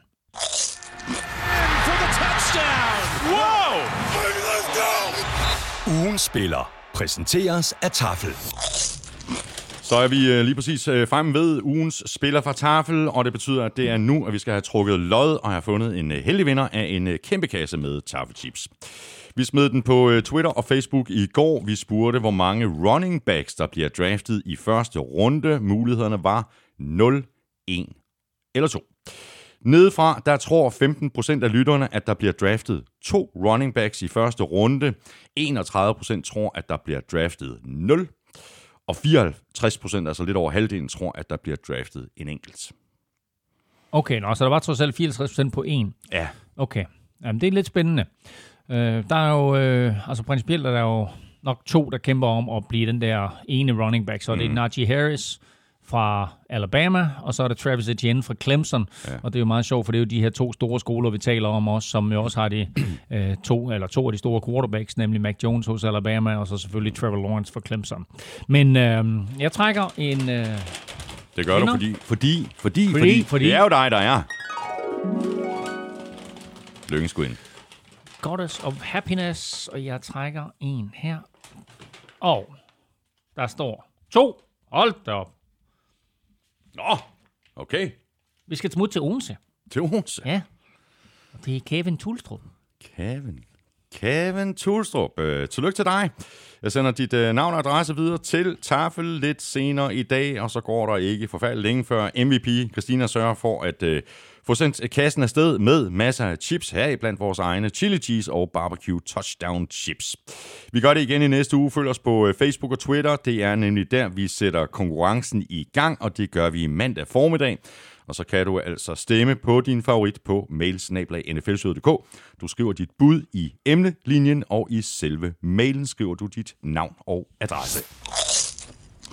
Så er vi tilbage i øh, mock-draften, og vi er nået til pick 17, som tilhører Raiders. Og som jeg ser Raiders, så er der flere positioner, som øh, mere eller mindre skriger på opgradering. Den offensive linje har brug for en frisk indsprøjtning, og det har de bagerste geleder også primært cornerback. Så hvad siger du til det, Elming? Eller hvad tror du, at John Gruden og Mike Mayock siger til det? Offensive line kunne de bruge, cornerback kunne de bruge, edge kunne de bruge, uh, safety kunne de bruge, så der er mange spillere at vælge mellem her. Uh, jeg kunne godt se dem uh, gå efter en af de få safeties. Nu talte vi om, at der var få running backs, der kommer til at gå i første runde. Der er også få safeties, der kommer til at gå i første runde. En af de navne, som, eller det navn, som jeg tror uh, bliver nævnt i første runde, det bliver Trayvon Merrick. Mm. Men uh, der går Raiders i en anden retning, og tager lidt en chance, fordi de vælger en cornerback her, der hedder Caleb Farley. Okay. Og som vi jo talte en del om i sidste uge. Det gjorde vi. Og det, der er med Caleb Farley, det er, at han er simpelthen en vanvittig dygtig spiller. Men han har altså en skadeshistorik og er lige blevet opereret i den nederste del af ryggen. Uh, og det er klart, at det er nogle advarselslamper, uh, der lyser ret kraftigt. Men altså, han kunne være den bedste cornerback, han kunne være den bedste forsvarsspiller mm, overhovedet i den her draft. Uh, så Raiders, de tager altså en uh, chance uh, på ham begyndte oprindeligt karrieren som, øh, som quarterback, øh, men øh, røg så på college, så der var planen, at han skulle flyttes til wide receiver. I stedet for så blev han cornerback, og øh, som vi også nævnte i sidste uge, så lavede han så to interceptions i sin første kamp, og så sagde træneren, det går meget godt det der, der bliver du bare hængende. Og så har han spillet cornerback lige siden. Øh, var udset til at være et top 10 pick, øh, men har altså haft den her rygskade, øh, og derfor så falder han altså nu til Raiders på, øh, på pick 17. 188 cm, 90 kilo, perfekt størrelse for en moderne corner. Øh, meget fysisk øh, og samtidig atletisk og hurtig. Øh, god takler. Øh, lidt mere erfaring i at spille zoneforsvar end at spille ren mand, men har helt sikkert de fysiske egenskaber til også at kunne spille mand i NFL. Er han skadesfri, så er det her en vanvittig god spiller at få med pick 17. Ja, du tosset. Så har vi øh, Dolphins for øh, anden gang her i første runde med pick 18. Jeg gav jo øh, Ture et våben mere at lege med på øh, pick 6, nemlig wide receiver Jamar Chase. Her overvejer jeg lidt at tage en spiller på forsvaret. Linebacker Savin Collins kunne være et bud. Men jeg vælger endnu en gang at fokusere på Tua og hans arbejdsbetingelser, så derfor vælger Dolphins med pick 18 offensive tackle Christian Darisaw, Virginia Tech. Sådan, og det, det er et godt valg, og det er øh, igen et, med, med, med to picks i første runde, der gør øh, Dolphins det er jo helt rigtigt. Øh, først et, et våben til Tua, og så hjælp på den offensive linje. Øhm, Uh, Darisaw her er en øh, rigtig dygtig spiller, øh, hurtig ud af sin stance, god power, ikke helt så atletisk som de to andre tackles, vi har nævnt, øh, Sul og Slater, men han laver meget, meget få fejl. Han er nok bedre i run blocking, end han er i pass protection. Det er klart, at, at det er noget, der skal arbejdes på mm. øh, i NFL. Han sørger altid for at tage gode vinkler, og øh, derfor så bliver det faktisk svært at rushe mod ham. Øh, han er god tekniker. Øh, men han skal blive lidt bedre til at, at bare simpelthen færdiggøre sine, sine blokeringer. Øh, trænerne kalder ham til gengæld en arbejdsnarkoman og en kriger, og det er jo noget, som NFL-holdene rigtig, rigtig godt kan lide. Øh, og så startede han 35 kampe i college, nærmest alle på venstre tackle, så det er formodentlig også der, han skal træde ind på, på Dolphins hold, men kunne godt starte på højre tackle for dem. Så er vi fremme ved øh, Washington Football Team på pick øh, 19. Øh, de kunne jo vælge at bygge videre på deres allerede skræmmende forsvar. Deres defensive linje er en af de allerbedste i ligaen, og en strategi kunne være at bygge videre på den styrke, som de allerede har. Washington kan også kigge over på den anden side af kridtstregen. Øh, de skal have en uh, ung quarterback på et tidspunkt, og wide receiver og running back kunne også være muligheder.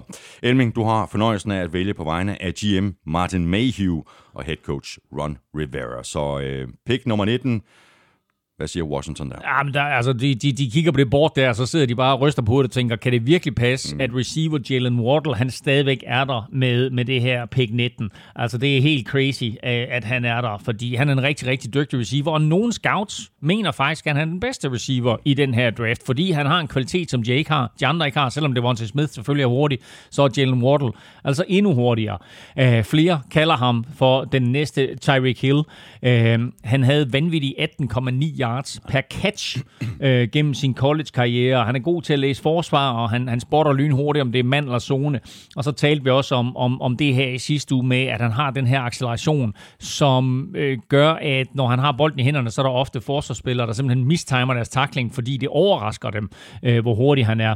Nu skal vi se, om han kan overføre det til øh, NFL. Han har også erfaring som, øh, som returner, øh, så det kunne måske øh, være øh, en, en kvalitet, der gør, at det er sådan, at han kommer lidt højere op i draften. Han er større end sin holdkammerat øh, fra college, der Devontae Smith, og det kan måske også gøre, at han bliver draftet øh, før ham, mm. men øh, han brækkede altså anklen sidste år. Det er igen, du er sådan lidt skades øh, advarselslampe, der lyser lidt der.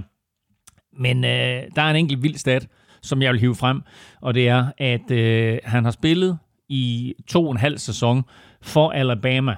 Han har altså kun startet ni kampe, og grunden til det er selvfølgelig på grund af Jerry Judy og øh, Henry Ruggs og Devontae Smith. Øh, men når han har fået chancen, så har han altså været suveræn. Det her det er et kæmpe scoop øh, for Washington at få ham med pick 19. Er du tosset, mand? Og prøv lige at se på et stærkt markerpar på papiret. Waddle sammen med Scary Terry og så Fitzmagic, der, der kaster til dem. Det kan godt gå hen og blive svært underholdende at se på. Ikke? Bestemt, det glæder vi os til allerede. Ja. Bears, de har pick 20, og jeg synes, øh, Bears er rigtig svære. Øh, Hvad mangler de nærmest ikke efterhånden? Cornerback, safety, O-line, wide receiver, quarterback. Så længe GM Ryan Pace og head coach Matt Nagy ikke tager en quarterback, så synes jeg, at det giver mest mening at gå med den offensive linje. Også fordi der er øh, masser af værdi senere i draften på for eksempel wide receiver. Der er masser af spillere på den position, som kan gøre sig gældende i år i NFL. Med pick nummer 20, der vælger Bears derfor offensive tackle, Tevin Jenkins, Oklahoma State. Og det er et øh, uh, super godt pick. Altså, de har så mange needs rundt omkring, så her der er det bare et spørgsmål om at kigge på, hvem har vi højst på vores board, fordi det er næsten ligegyldigt. Uh, hvem der er deroppe, så, uh, så, så har de brug for ham. Uh, jeg kunne godt se dem gå receiver også i den her draft, men altså nu uh, vælger de det kloge. Uh, det er ikke særlig sexy uh, at vælge en offensive lineman, men det er klogt i den her situation, og de vælger altså Tevin Jenkins. Uh, og dermed så har vi, har vi altså op på, på fire offensive tackles nu, uh, plus en enkelt øh, offensive lineman på til den indvendige øh, del af linjen der. Uh, stor dreng, som bare sådan er, er bred overalt, vanvittigt stærk, og så med, med voldelige hænder. Uh, en klog spiller, øh, der jo har den her øh, evne til at trække en hjelm ned over hovedet, og når det så sker, så bliver han bare ond i sulet. Øh, han er brutal i løbespillet. Øh, har lidt større problemer i, i pass protection, men også meget alsidig. Han spillede alle fire positioner på den offensive linje. Det eneste, han ikke spillede, det var altså det var center, men altså begge guard-positioner og begge tackle-positioner for Oklahoma State. Og øh, så startede han øh, i alle sine fire sæsoner øh, i college. Øh, har lidt udfordringer med speed rusher, så dem, dem er der altså rigeligt af i NFL, så det er altså noget, han lige skal, øh, skal lære, og så skal han vende sig til tempoet i NFL. Øh, kunne godt starte som guard, for Bears, øh, og så blive konverteret mm. til tackle lidt senere. Men øh, det er et solidt pick, øh, som helt sikkert vil øh, udløse en masse buråb fra øh, de tilstedeværende Bears-fans. Øh, Sådan er det jo. Colts de drafter 21, og de kunne øh, bruge noget pass rush på ydersiden. De kunne også adressere den offensive linje, eller måske kigge på bagkæden med både øh, cornerback og safety. Så hvad gør GM Chris Ballard her, Elming? En af de dygtigste GM's i ligaen, hvis du spørger mig. Helt enig, og jeg har øh, lavet meget, meget få fejl, både med hensyn til draften og med hensyn til free agency, og har også lavet nogle rigtig, rigtig gode moves her inden for de seneste øh, sæsoner. Øh, de fik en gave for et par år siden i form af en safety, der hed Malik Hooker, som faldt til dem på, øh, på pick 15. Øh, skader gjorde det svære, at hans øh, karriere øh, er blevet alt, alt for kort, og måske er det det sidste, vi har set til Malik Hooker i NFL, fordi han er altså blevet fritstillet nu her øh, af Coles, og dermed så har de altså et gabende hul øh, på safety. Øh, et hul, som når Malik Hooker spillede, var han bare helt igennem forrygende, men spillede altså for få kampe. Nu håber de på, at de med den nye safety, som de vælger her, får en spiller ind, som øh, ikke har de samme skadesproblemer. Så Indianapolis Colts tager med pick 21 safety Trayvon Merrick. Der kom han. Præcis super fed spiller at se på. Høj topfart, der gør, at han kan dække øh, store områder på banen.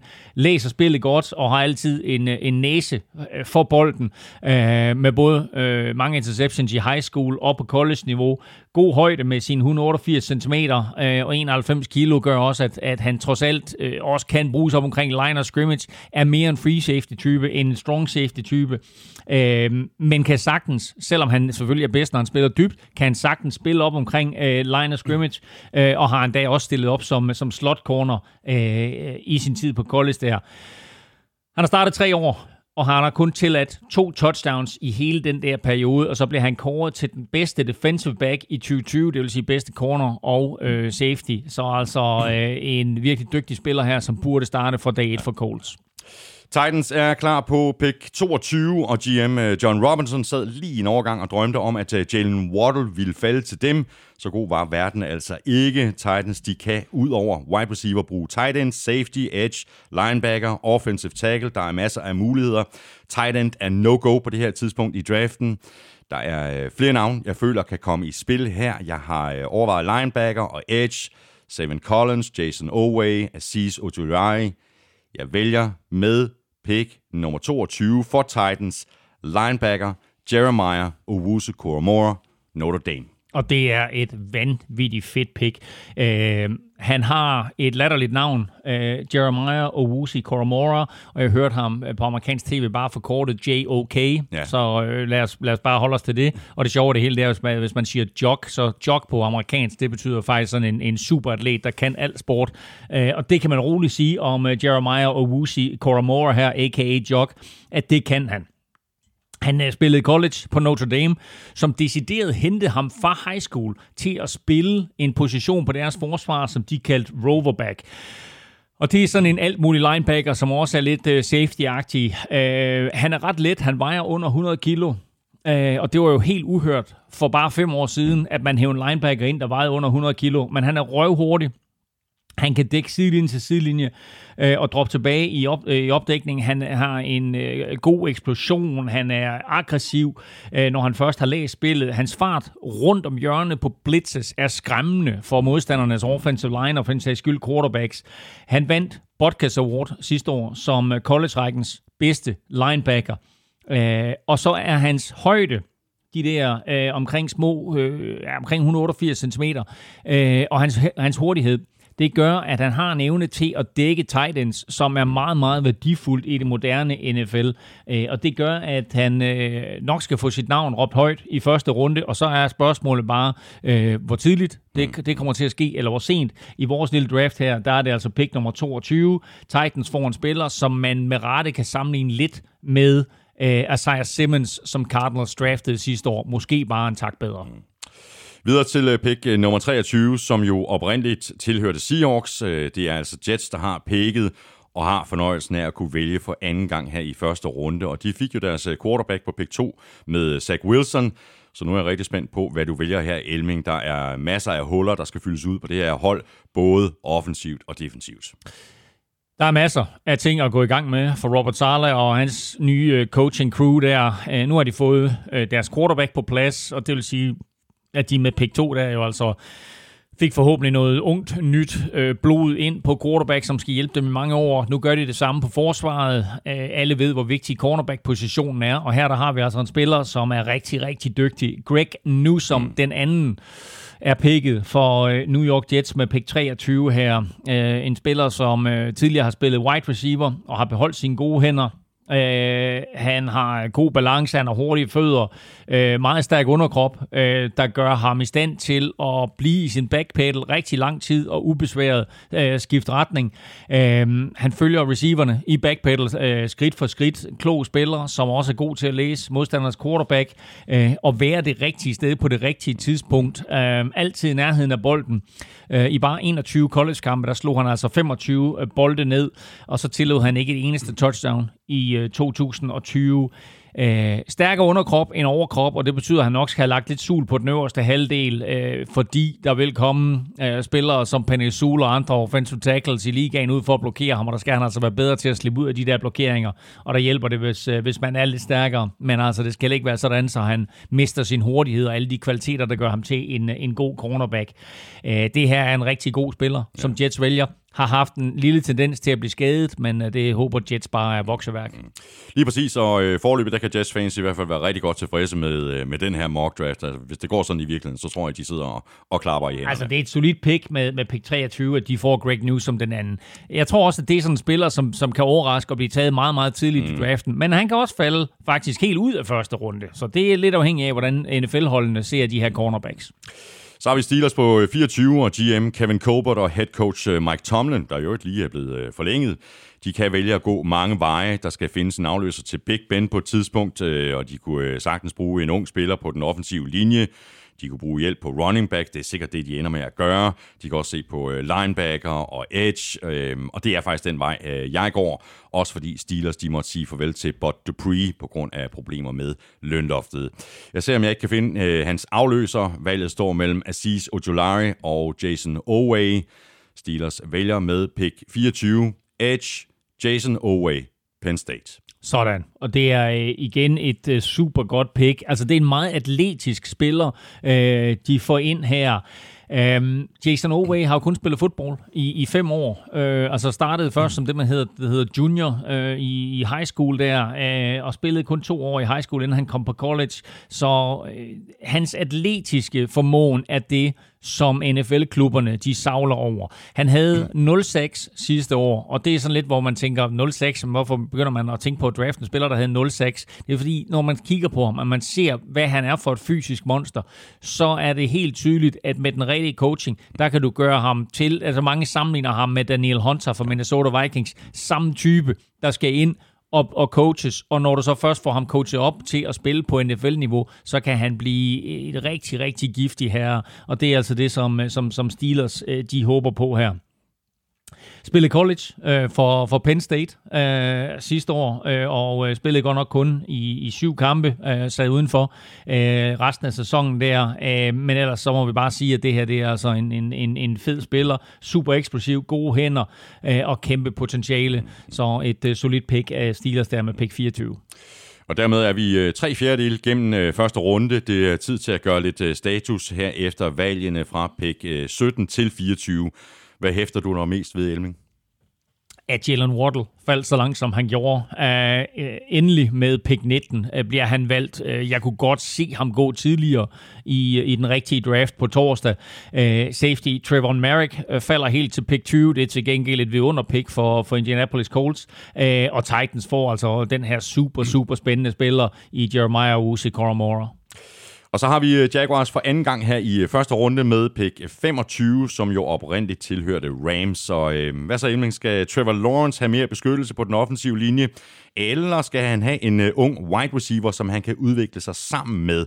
Eller bliver det måske noget helt tredje? Oh, der er så mange muligheder for, for, for Jaguars med det pick her, og øh, de vælger, som du siger, at give Trevor Lawrence et våben. Øhm, der er jo nogen, der spekulerer i, at Jaguars godt kunne finde på at drafte Travis Etienne, mm. running backen, som Trevor Lawrence spillede på hold med hos Clemson, og så lave sådan en, en dobbelt op der. Uh, og der er jo ikke nogen, der siger, at Jaguars ikke kan få fat i Travis Etienne i anden runde. Her der går de i en anden retning og vælger en wide receiver, og det er Rondell Moore mm. fra Purdue en kæmpe playmaker. Når jeg siger kæmpe, så er det hans spil på banen, fordi han er ikke en stor dreng. Han er meget lav faktisk, kun 175 cm, og det er vist på en god dag. Øh, blev brugt både i kastangrebet og løbeangrebet, kan altså løbe de her jet sweeps og alt muligt, som, er, som der er så moderne i NFL. Øh, han spillede kun fire kampe i 2019 og kun tre kampe i 2020, så har altså kun syv college-kampe under bæltet i de sidste to sæsoner. Til gengæld, når du så ser ham øh, på øh, ja, altså bånd med eller film, eller hvad, hvad hedder det, highlights, mm. vanvittigt sjov øh, at se på. Eksplosiv, ikke helt den topfart som mange af de andre receiver. Man har gode kropsfinder, meget elegant og stærk nok til at bryde taklinger. God efter han har grebet bolden Øh, og på trods af sin højde, så er han altså meget svær at, at sådan jamme på linjen, fordi han har en meget stærk overkrop.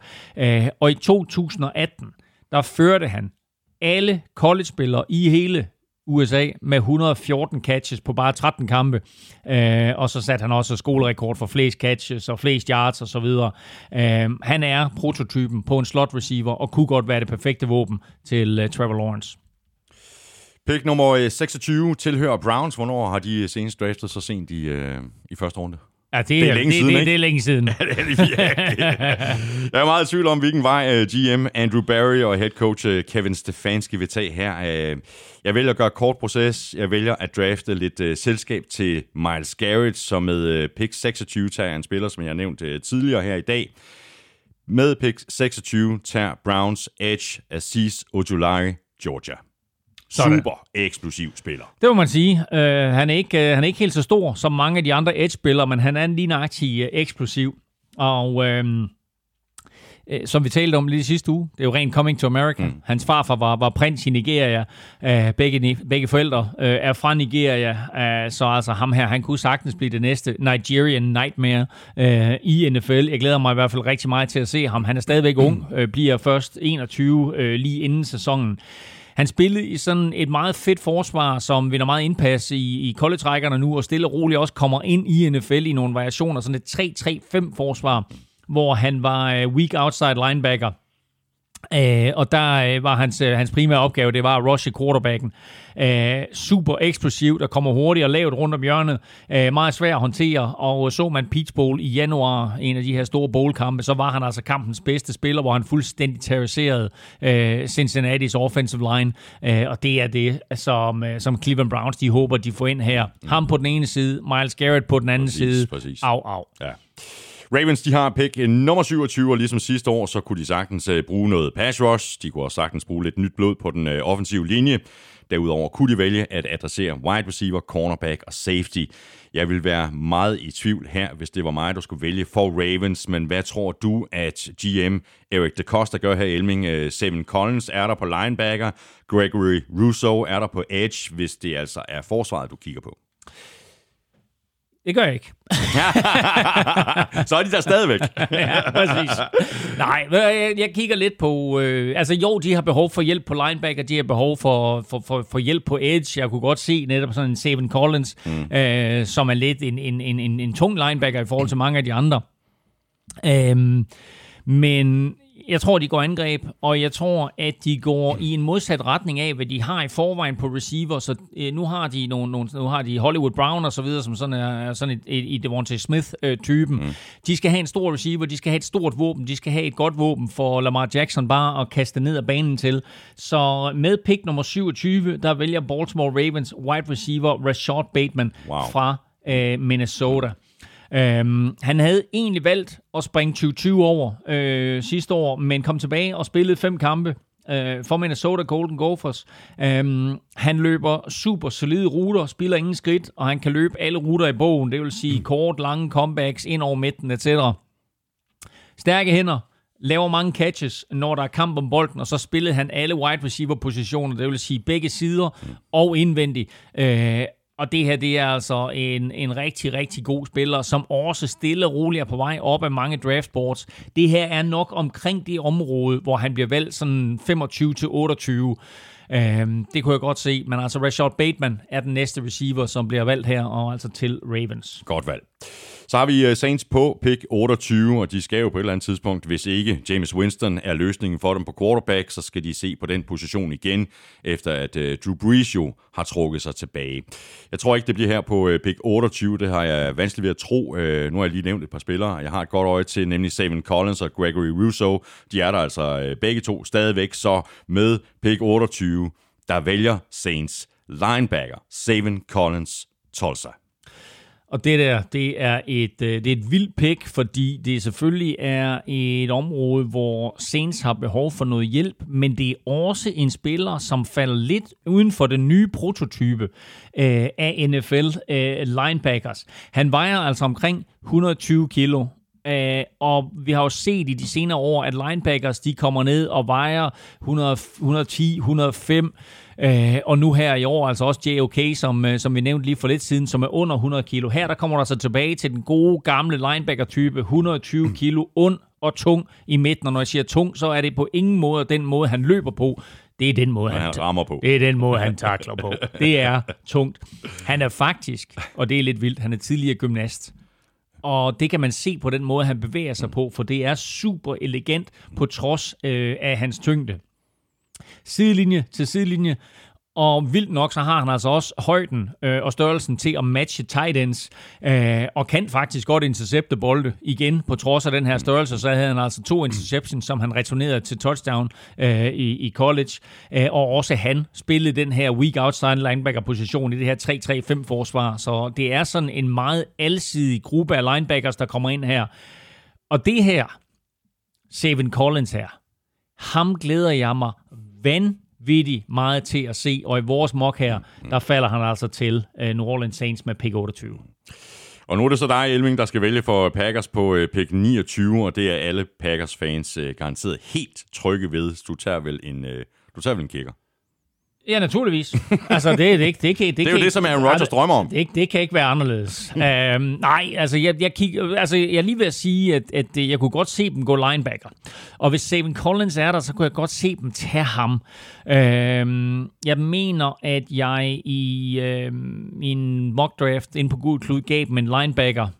Um, og øh, det er klart, at der er nogle forskellige valgmuligheder her, og nu har vi talt om det i så mange år. Skal man give Aaron Rodgers en receiver i første runde? Og endelig, endelig, endelig, så tager Packers det valg, fordi de vælger receiver Kadarius Tony. Wow, det er et stærkt valg. Men Aaron Rodgers er jo i chok nu. Han er i chok. Han ved slet ikke, hvad han skal gøre. Nej. Nu har han ingen undskyldninger længere.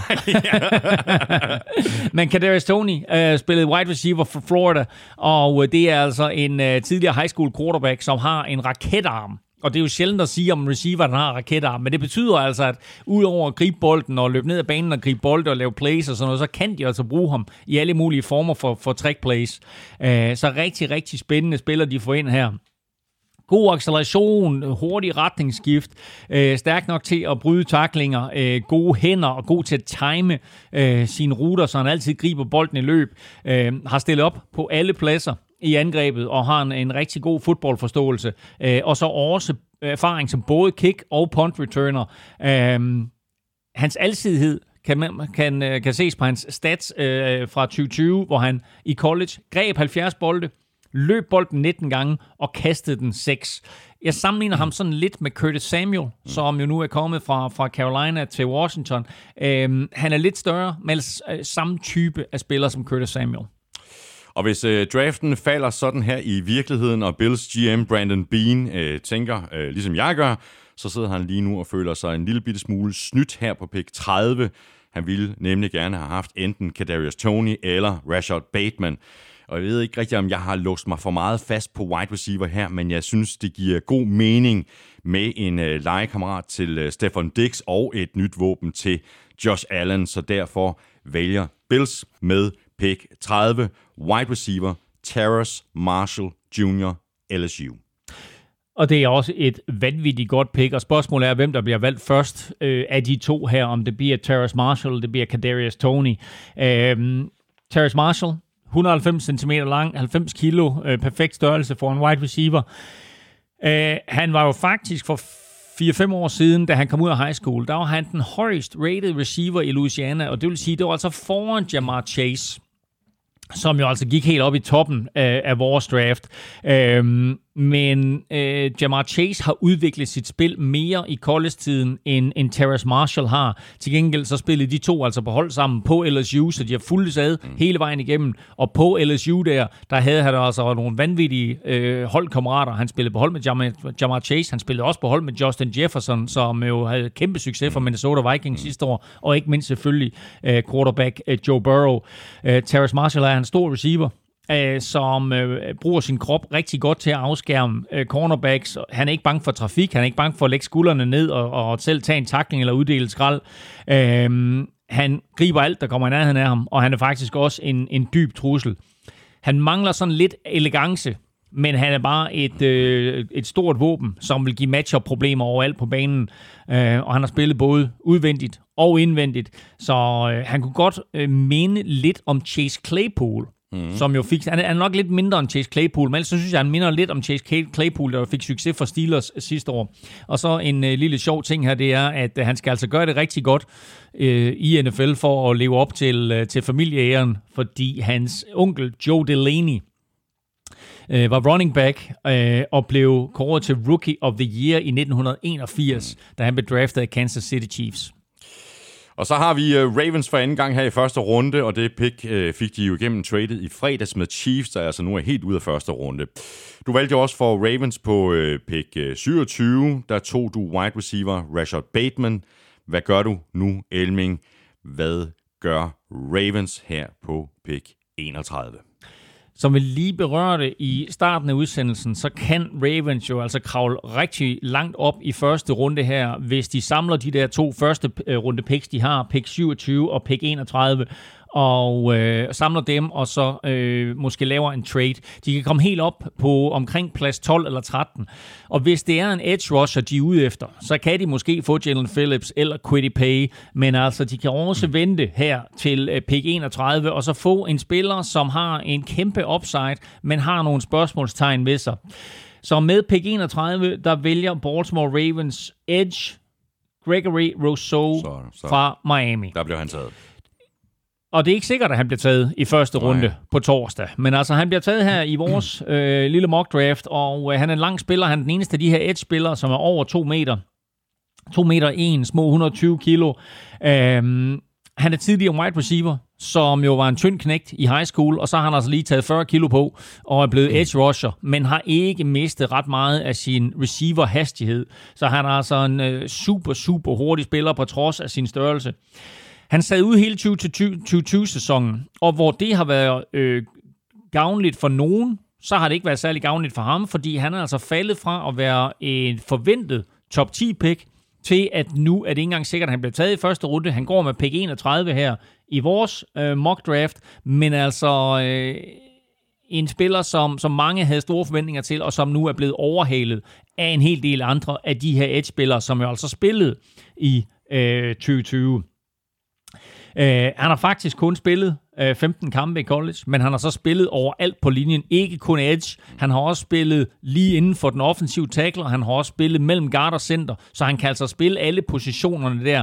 Øh, rigtig, rigtig interessant at se, øh, hvordan Ravens, eller det hold, der nu drafter ham i den rigtige draft, har tænkt sig at benytte ham. Her der falder Gregory Rousseau altså øh, til Baltimore Ravens med øh, pick 31, og jeg vil gå så langt som at sige, at han kan sammenlignes med Chandler, Chandler Jones fra Arizona Cardinals. Ikke helt så atletisk, men har den samme upside, og det kan altså være et rigtig, rigtig fint pick, det her. Mm. Og så er vi fremme ved øh, mesterne fra Buccaneers og pick øh, 32. Umiddelbart så er der jo ikke vanvittigt mange huller på det her hold. Øh, det er virkelig lykkedes for dem at øh, holde sammen på succesen fra sidste år. Så hvad gør Buccaneers øh, her? Øh, hvis der skal draftes en, en running back, øh, så er det nu Elming her i vores øh, mock draft. Der er ikke røget nogen endnu, men jeg føler mig... Og jeg skal, det kunne, det kunne Buccaneers sikkert øh, sagtens finde på at drafte en, en running back her på pick 32. Jeg føler mig lidt fristet til at tage quarterback øh, Davis Mills her. Så kan han sidde bag Tom Brady. Ved du hvad? Det der, det vil være et godt pick. Ja, ikke? Davis Mills. Jeg elsker Davis Mills, quarterbacken der. Så, øh, Same here. Ja.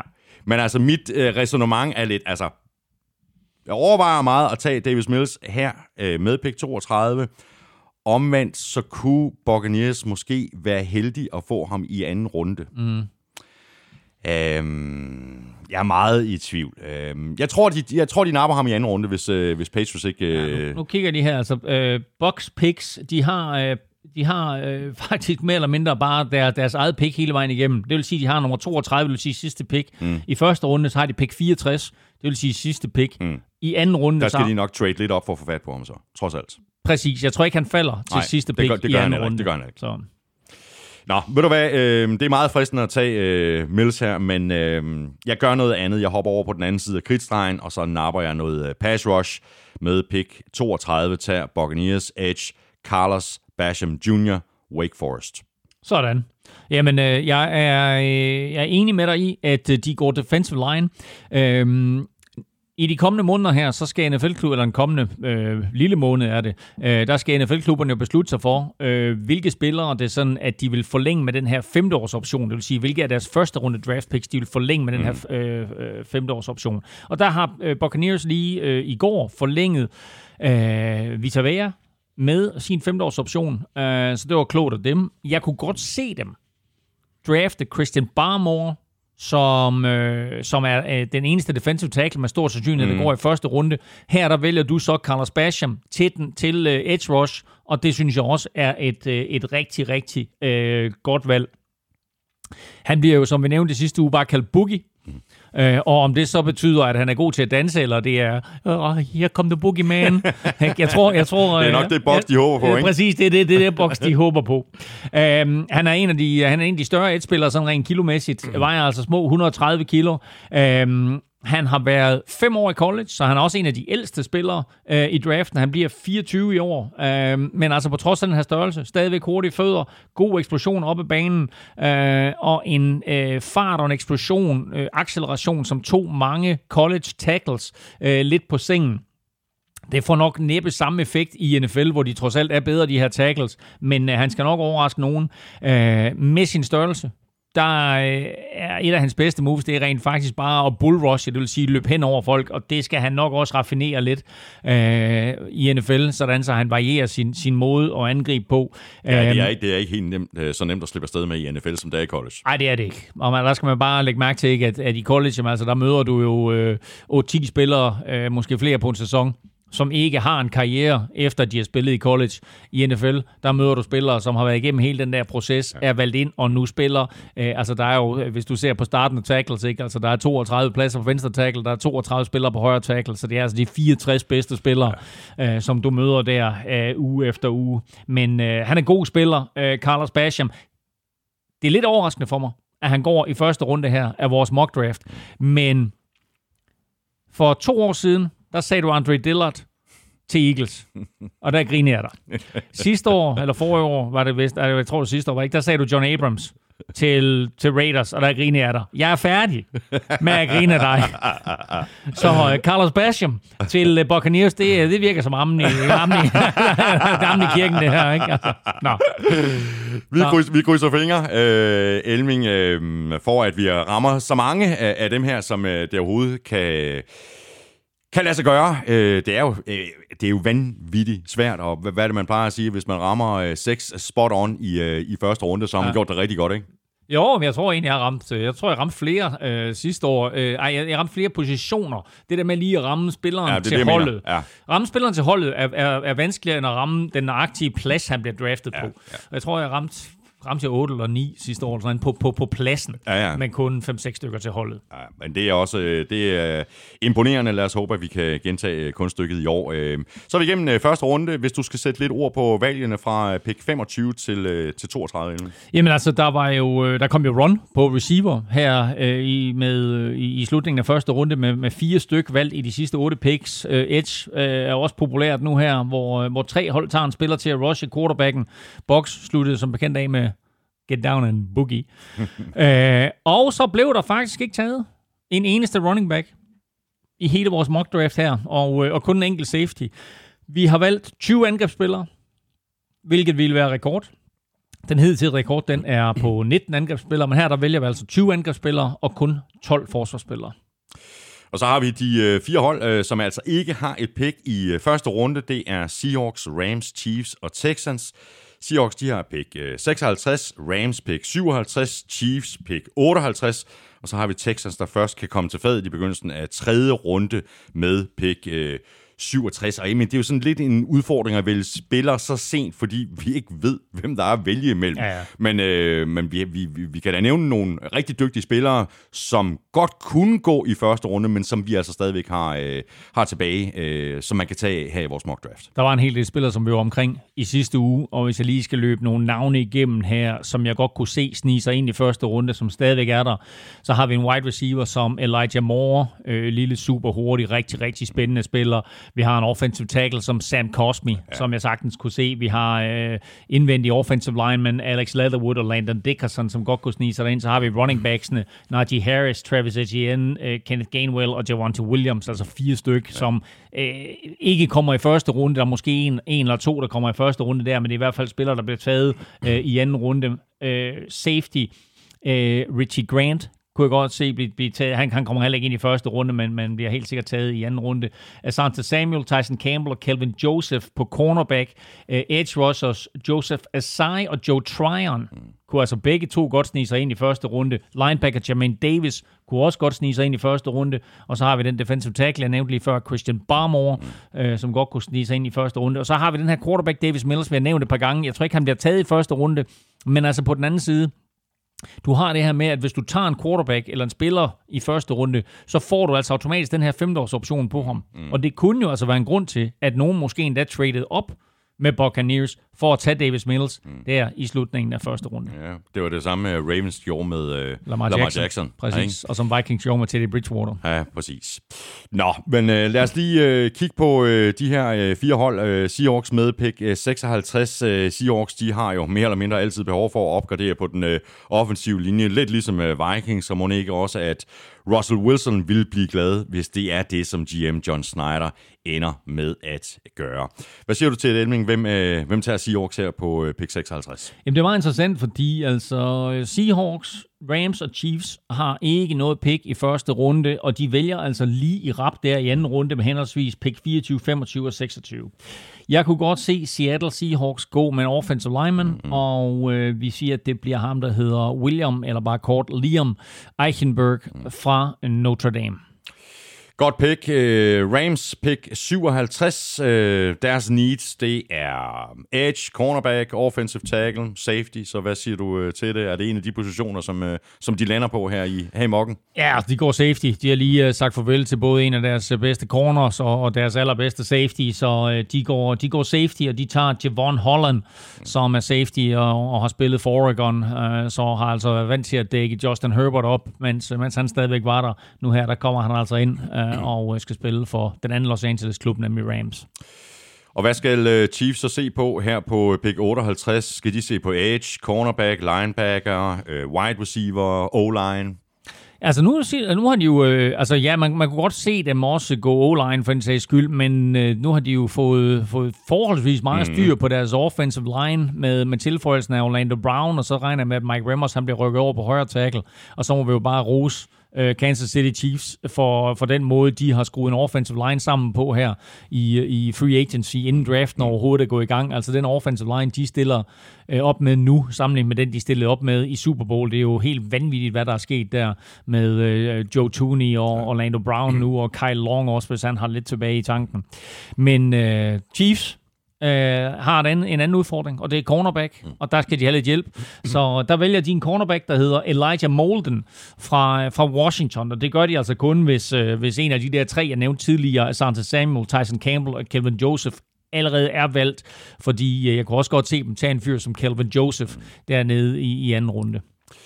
Og så har vi altså Texans på øh, pick 67. Øh, det er godt nok noget af en opgave, som de gode øh, folk er blevet sat på her. Og hvad med, hvad med quarterback? Er vi sikre på, at Deshaun Watson han kommer nej, på banen i år? Hvad, nej, hvad sker der? Nej, de skal nej, nok ikke have en quarterback nej, her, vel? Nej, ja, no, ja, altså hvorfor ikke? Altså, men øh, vi, vi ved ikke, om han kommer på banen. Øhm, men Texans har en hel del udfordringer, og øh, ikke mindst kunne de godt øh, have, have behov for hjælp på den offensive linje. Øh, jeg øh, er selvfølgelig ked af at drafte en offensive lineman, når nu Hjalte Froholt han spiller dernede, men øh, jeg giver dem altså en offensive lineman, og det bliver ham, vi talte om i sidste uge, der har det perfekte navn til NFL, nemlig Jalen Mayfield. Jalen som i Jalen Hurts, og Mayfield som i Baker Mayfield. Ham er han altså ikke quarterback, han er offensive tackle, og har spillet for Michigan, og det er altså ham, som Houston Texans tager med deres allerførste pick, som så først ligger i tredje runde.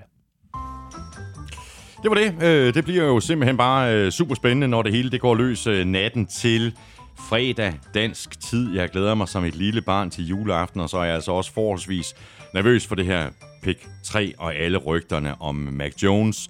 Men jeg står op fredag nat, kvart i to, så jeg er klar, og så får jeg tændt for, øh, for fjerner og computer og telefon og hele skidtet. Og må jeg lige sige, at så vil jeg anbefale dig, at du følger med ind på Facebook, hvor uh, Gud Klud laver Facebook Live. Vi har en 4-5 drenge siddende der hele natten til at kommentere første runde, Spændende. og for den sags skyld også uh, anden og tredje runde om fredagen. Det var skide sjovt sidste mm. år, og uh, jeg håber, at rigtig, rigtig mange vil, vil tune ind og kigge med. Det er jo heldigt. Der var, der var jo rigtig mange, der, der kiggede med sidste år. Det var der. Der var rigtig mange, og det er, i år er helt perfekt time, for det er, det er helligdag, det er fridag dagen efter, så det er bare med at, ja. at kigge med der. Så øh, NFL Network kørende på, på tv'et, og så uh, second screen der, uh, live Facebook med, med Gud Kluds drenge. Ja, det er godt. Og så kan man lige øh, fiske et eller andet frem fra, fra køleskabet, og et eller andet, som man kan sidde og snakke i. Hvad skal du have at spise i aften? Jeg skal have Vi, rester. vi er jo, vi er jo, Ja, jeg, skal du have rester igen? Jeg skal have rester Ligesom igen. Sidste uge. Men ved du hvad? Jeg lavede i går måske den bedste Hello Fresh ret, jeg har lavet overhovedet. Det var sådan noget indisk inspireret dal. Øh, ja. Altså det smagte simpelthen, så guderne synger. Og det var sådan noget, jeg aldrig nogensinde kunne finde på at lave selv. Mm. Super, super nemt. Øh, og altså det var sådan, du ved, jeg var færdig med at spise, så var det bare sådan lidt, jeg skal have noget mere. Ikke? og, nu, og nu, glæder jeg mig allerede, nu glæder jeg mig allerede til i aften, for jeg skal have rester i aften af det dal der, og det er, hold kæft, det Jamen, smager det er, frem, jamen, det er, jo, det er jo fuldstændig rigtigt, fordi at, øh, når man vælger de her måltider, og sådan det, der kommer øh, fem, øh, fem måltider i, i min ja. kasse. Vi skal have chorizo bowl øh, i aften. Det kan jeg da garantere dig for, det var jeg ikke selv kommet på. Nej, Jamen, og, og, og det er jo det, jeg også sagde sidste uge der. Jeg vælger konsekvent ting, øh, som jeg ikke normalt vil lave, og så, hvor der indgår nogle ingredienser eller et eller andet, ikke, som, som jeg aldrig nogensinde selv vil lave. Fordi når man står i supermarkedet der, det bliver altid det samme. Lige præcis. Og her- Så, jamen, exakt. Ja. Så er det frikadeller, så er det lasagne, så er det kylling, så er det dit og datten. Man, vi, vi har alle, sådan, alle sammen sådan fem eller ti retter, som vi hele tiden bliver ved med at vende Ja. ja. tilbage til. Det øh, er altså en ret god øh, og effektiv måde at komme uden om det på, ved at få det her Hello Fresh ind ad døren. Et det, og to, så synes jeg bare, at man bliver inspireret til også at prøve at lave noget andet mad. Og så er der nogle af de der, hvor man tænker, hold kæft, det er da simpelthen så nemt at lave det her. Ja, ja. Øhm, og så lige en, en, en, en lille smart ting også, det er, at nu for eksempel, hvis man så bliver inspireret til at lave uh, indisk mad for eksempel, ikke? Jamen, altså, så skal der så 8-10-12 forskellige krydderier i. Ja, ja, øh, så skal man ud og købe for en formue, ikke? Så skal du købe, og så står de i skabet. Her der kommer de i sådan nogle små afmålte poser. Bum, lige ned i, du ved, og så smager det simpelthen, så guderne synger. Ja, lige præcis. Og øh, så er der en anden øh, sjov ting, som jeg, øh, som jeg har gået og tænkt på her de seneste par uger. Altså normalt, når vi laver øh, øh, mad øh, herhjemme i huset, fruen og jeg, jamen, så skiftes vi normalt til, er ikke sådan noget med, altså det er hver anden dag eller sådan noget, men, men enten er det Tina, der står i køkkenet, eller også er det mig, der står i køkkenet. Og så er der noget sjovt, jeg har noteret, at når vi laver det her Hello Fresh, så hjælpes vi ad. Og jeg ved ikke, hvorfor at det er blevet sådan, men det er det. Det er dumt. Og det, nej, det er hyggeligt. det er hyggeligt, så går det dobbelt så stærkt. Ja, ja. Jamen, det er nemlig hyggeligt. Det er, det er pissehyggeligt. Hold op, det var godt timet med øh, musikken her. Hvis du ikke allerede har signet op på Hello Fresh, så skulle du tage at øh, gøre det. Lige nu der kan du nemlig øh, ovenikøbet spare op til 550 kroner på dine første fire måltidskasser, og det kan du altså, hvis du går ind på hellofresh.dk og bruger koden NFL. Du binder dig ikke til noget, men hvis du ikke ønsker at fortsætte, så skal du huske at melde fra igen. Vi skal have quizzen. Åh, oh. Det er tid til quiz. quiz, quiz, quiz, quiz. Nå, Elming. Du stillede mig et øh, spørgsmål. Det gjorde jeg. Og det var, det var forholdsvis simpelt. Det var, at øh, også, også med det her med draften i mente, at det, at det faktisk ikke er så nemt at ramme plet, Nej, som man lige skulle tro. I de sidste 50 år, der er der kun to quarterbacks, som er draftet i top 3, der har vundet Super Bowl med den klub, der draftede dem. Ja, det er crazy. Det er en crazy statistik, og jeg sad og griflede lidt ned på et stykke papir, dengang hvor du stillede mig spørgsmål, så mm. viste jeg dig papir, og så Ja. sagde du, ja, okay, men det er fint. Der, øh, der stod Peyton Manning. Der var, der var den ene, ikke? Og så gik der cirka en time, før jeg kom i tanke om den anden, Ja, og det er Eli Manning. vandt Eli Manning Super Bowl med den klub, han blev draftet for? Åh, ja, det gjorde han da, gjorde han ikke? Nej. Han blev, Eli, Eli, Nå, Eli Manning det- blev draftet. draftet af Chargers, Han blev okay, så draftet han tæller ikke, eller hvad? Nej. Ah, damn. Nå, der sad jeg også lige og var rigtig godt tilfreds med mig selv. så stoppede jeg jo med at tænke på det. Ja. I alverden men, er det så? men jeg vil sige det på den måde, tage i betragtning af, at, at de jo så lavede en handel der, ikke? Øh, og det er også derfor, det hedder top 3, ikke? Fordi Eli jo blev draftet nummer 4, eller han, han blev egentlig draftet etter, Ja. og Rivers 4, ikke? Og så, Exactly. og så byttede de jo så picks, Chargers og, ja, ja. og, og Giants der, ikke? Okay. Jamen, øh, så får du den. Can't do it. Ah, tænk dig nu, tænk dig nu om. Jamen, så har jeg spildt en time nu. Jamen, du var, du var så glad. Du var så glad. Ja, jeg var simpelthen, åh, det er Manning Men det sjove det hele, det var, det sjove det hele, det var, at jeg kørte den her quiz af på min lillebror. Ja. Og han var lynhurtig og sagde John Elway. Og så sagde jeg, jamen John Elway vandt jo heller ikke med den klub, han blev Nej, draftet nej, af. nej. Fordi han blev draftet af Colts jo. Ja. Uh, inden han så blev traded til Broncos. Så, Det er top 3. ja. Og uh, han vandt tre Super Bowls. Han vandt tre Super Bowls. For America's team. Og, øhm, og hvor de irriterende. det er en sort klap, ikke? ja, det er fuldstændig. Troy, Aikman selvfølgelig. Troy Aikman. Troy Aikman selvfølgelig. Så Peyton Manning og Troy Aikman er de eneste to quarterbacks, der er draftet i top 3 i de sidste 50 år, Wow.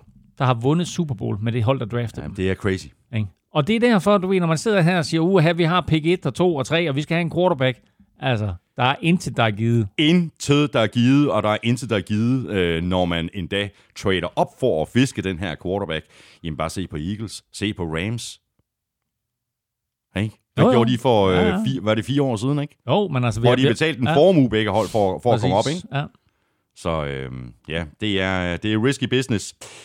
Det er quizzen fra Søren Armstrong øh, lød altså sådan her, hvor mange quarterbacks blev draftet før Brady i 2006. 8. Det var close. Kan du nogle af navnene? Den eneste, jeg kan huske, det er Chad Pennington. Det er fuldstændig korrekt. Han blev jo draftet nummer 18. Ja, så måske endda Mark Bolger, var han ikke øh, den samme draft? Det er fuldstændig korrekt. Han blev draftet nummer 168 af Saints. Okay. Og så var der ham, hvad hed han? Gino Camazzi. Giovanni Camazzi. Det var 49ers. Det var Der 49ers. bummede den der, ikke? Med Ja. ja. pick øh, 65. Okay. Så Det kan, så kan jeg ikke andre. Nej, det, det vil jeg heller ikke kunne. Så var der øh, en, der hedder Chris Redman, der blev Ah, ah, okay. draftet Ja, ja, af og han- Ravens på 75. Han har også trods alt et stort talent. Mm. Ja.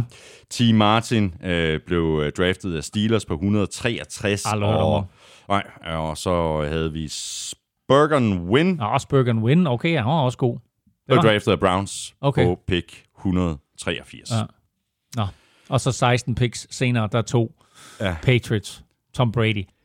Men det er, det er så vildt, ikke? Ja, det er så vildt. Ja, men det er også derfor, at når vi, når vi taler om de her quarterbacks, der bliver draftet 1, 2 og 3, øh, jamen altså, det er da ikke øh, sikkert, at det er Trevor Lawrence, der bliver den største succes i, øh, i NFL. Det er der ikke nogen, der siger. Nej, Det er ham, der er det største talent lige her nu, jamen, men der er ikke nogen, der siger, at det er ham, der får størst succes. Du sagde det i starten af udsendelsen. Det kan godt være, at det bliver Mac Jones, der får den største mm. succes af alle de her. Ikke? Altså, øh, jeg vil sige, det der, er med, det der er med Trevor Lawrence, det er, at han kombinerer jo mange af de kvaliteter, som, som de andre har. Mm. Han har jo alt det, Mac Jones han har, plus næsten alt det, som Justin Fields har. Ikke? Mm. Øh, og, og det er derfor, at han er så god. Og det er også derfor, at jeg tror, at, at Trevor Lawrence, han, han får succes i NFL, men jeg kunne sagtens se Mac Jones ja. få succes i NFL også. Jeg tror også, Trevor Lawrence Fordi- han ja. får succes i NFL. Ja. Men hvad er det for en linje, han kommer til at stå bagved? Hvad er det for nogle receiver, han kan komme til at kaste til?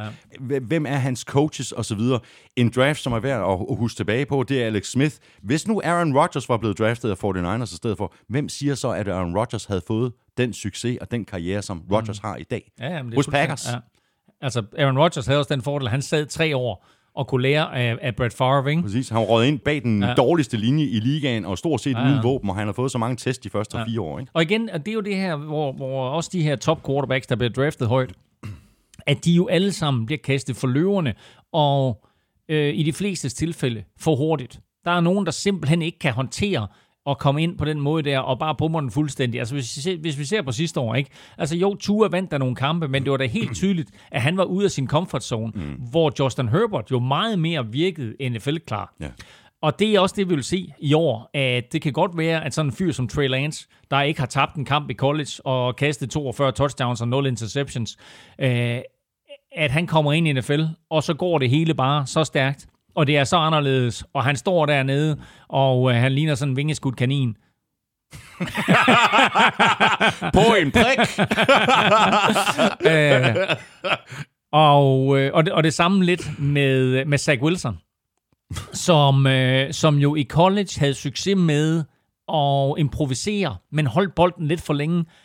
Nu kommer han ind i NFL. Hvad sker der så, hvis han begynder at improvisere? Altså, så får han et skrald efter det andet, hvis han, hvis han ikke smider bolden væk. Og når han så improviserer, og han smider bolden dybt, jamen altså, så er der bare nogle safeties og nogle corners på et helt andet niveau, end han var vant til at spille med i college. Så øh, det er, det er ikke nemt, det her. Og det er også derfor, det er lidt vildt, at både Trey Lance og Zach Wilson har bevæget sig sådan op af draftboards øh, og har overhalet Justin Fields, øh, er der mange, der mener, ikke? Øh, og Mac Jones for en sags skyld det samme. Mm. Øh, hvis de falder sådan, at det er Trevor Lawrence et, og så øh, Zach Wilson, øh, Trey Lance, Mac Jones der på en eller anden måde, og så Justin Fields femmer. Så det hold, der får fat i Justin Fields, ja. jeg tror, de har gjort sig øh, noget af et scoop. Ja, du tosser. Det er jo sjovt at lave de her mock drafts. Øh, også en lille bitte smule stressende. Prøv lige at forestille dig en gang at, at sidde der i virkeligheden, øh, når de skal sidde og vælge spillere, og der er tidspres på, og øh, de har selvfølgelig forberedt sig øh, rigtig godt og rigtig længe, og de har en god idé om, hvad de skal. Mm.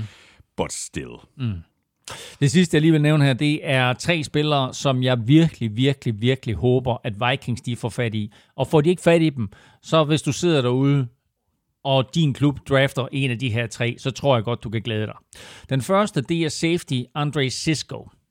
Fordi øh, ham vil jeg sammenligne lidt med Jeremy Chin, som jeg havde et man-crush på sidste år. Og Jeremy Chin kom jo ind og var helt forrygende for Carolina Panthers. Jeg kan rigtig, rigtig godt lide Andre Sisko. Den anden, det er Davion Nixon. Jeg nævnte ham lidt i sidste uge, og jeg sammenlignede ham lidt med Aaron Donald. Det er selvfølgelig en fuldstændig urimelig sammenligning, fordi der er ikke nogen, der kan sammenlignes med Aaron Donald. Men han er sådan en spiller, som kan gå ind og overtage en kamp, og øh, ham kan man altså godt få i anden, måske endda tredje runde, Davion Nixon, defensive lineman. Og så den sidste, det er receiver Elijah Moore. Vi nævnte ham lige kort også. Øhm, han kunne godt snige sig ind i første runde, men Elijah Moore, han er altså en rigtig, rigtig sjov receiver at se på. Så øh, de tre spillere der, hold øje med dem, og får dit hold fat i en af dem i anden runde eller tredje runde, så, så, har, de, altså- så, så har de altså gjort det scoop. I næste uge, der går vi selvfølgelig draften igennem og ser på, hvordan det så gik i virkeligheden, og hvordan de enkelte hold kom gennem draften. Og så sammenligner vi selvfølgelig også øh, med det, som vi troede her i, øh, i mock-draften. Kæmpe stor tak til vores gode venner og partnere fra Tafel og Hello Fresh. Støt dem, de støtter os. Tak til dig, fordi du lyttede med. Hvis du synes om det, vi laver, så skulle du tage at øh, anbefale os til alle dine venner, og stikke os en anmeldelse af fem store stjerner, et af de steder, det er muligt, for eksempel i iTunes. Du kan også give os et øh, klap på skulderen, som vi virkelig kan mærke.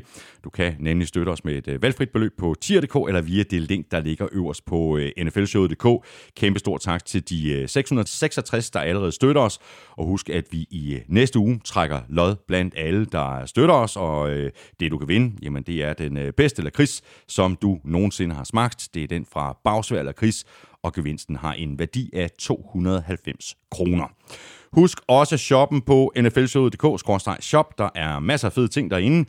Følg Elming på Twitter på snablag NFLming. Mig kan du følge på øh, snablag Thomas Kvartrup, og så kan du følge showet og det kan du på både Twitter og på Facebook. Det er der, du kan komme i kontakt med os, kommentere, stille spørgsmål, og det kan du også på øh, mail nflshowet.dk. Tak for i dag, og god draft. NFL-showet er produceret af Kvartrup Media, der også producerer Born Unplugged, Danmarks store podcast om dansk politik, som jeg laver hver uge sammen med politisk kommentator Lars Trier Mogensen. Vi er tilbage allerede på torsdag. Elming har rigeligt at se til over på den store cykelpodcast Vel Europa, og så er Mr. Elming og jeg ellers tilbage i dine ører i næste uge, når vi ser tilbage på draften. Ha' det rigtig godt så længe. Hot odds.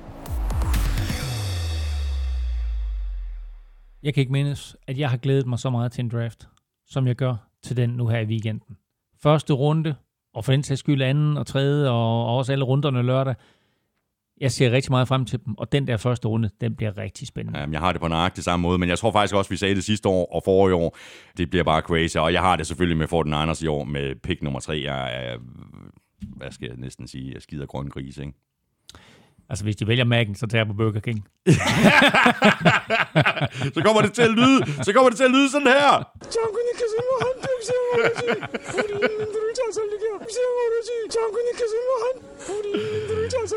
Ja, vi griner, men det er faktisk slet ikke sjovt. Nej, overhovedet ikke. Overhovedet ikke.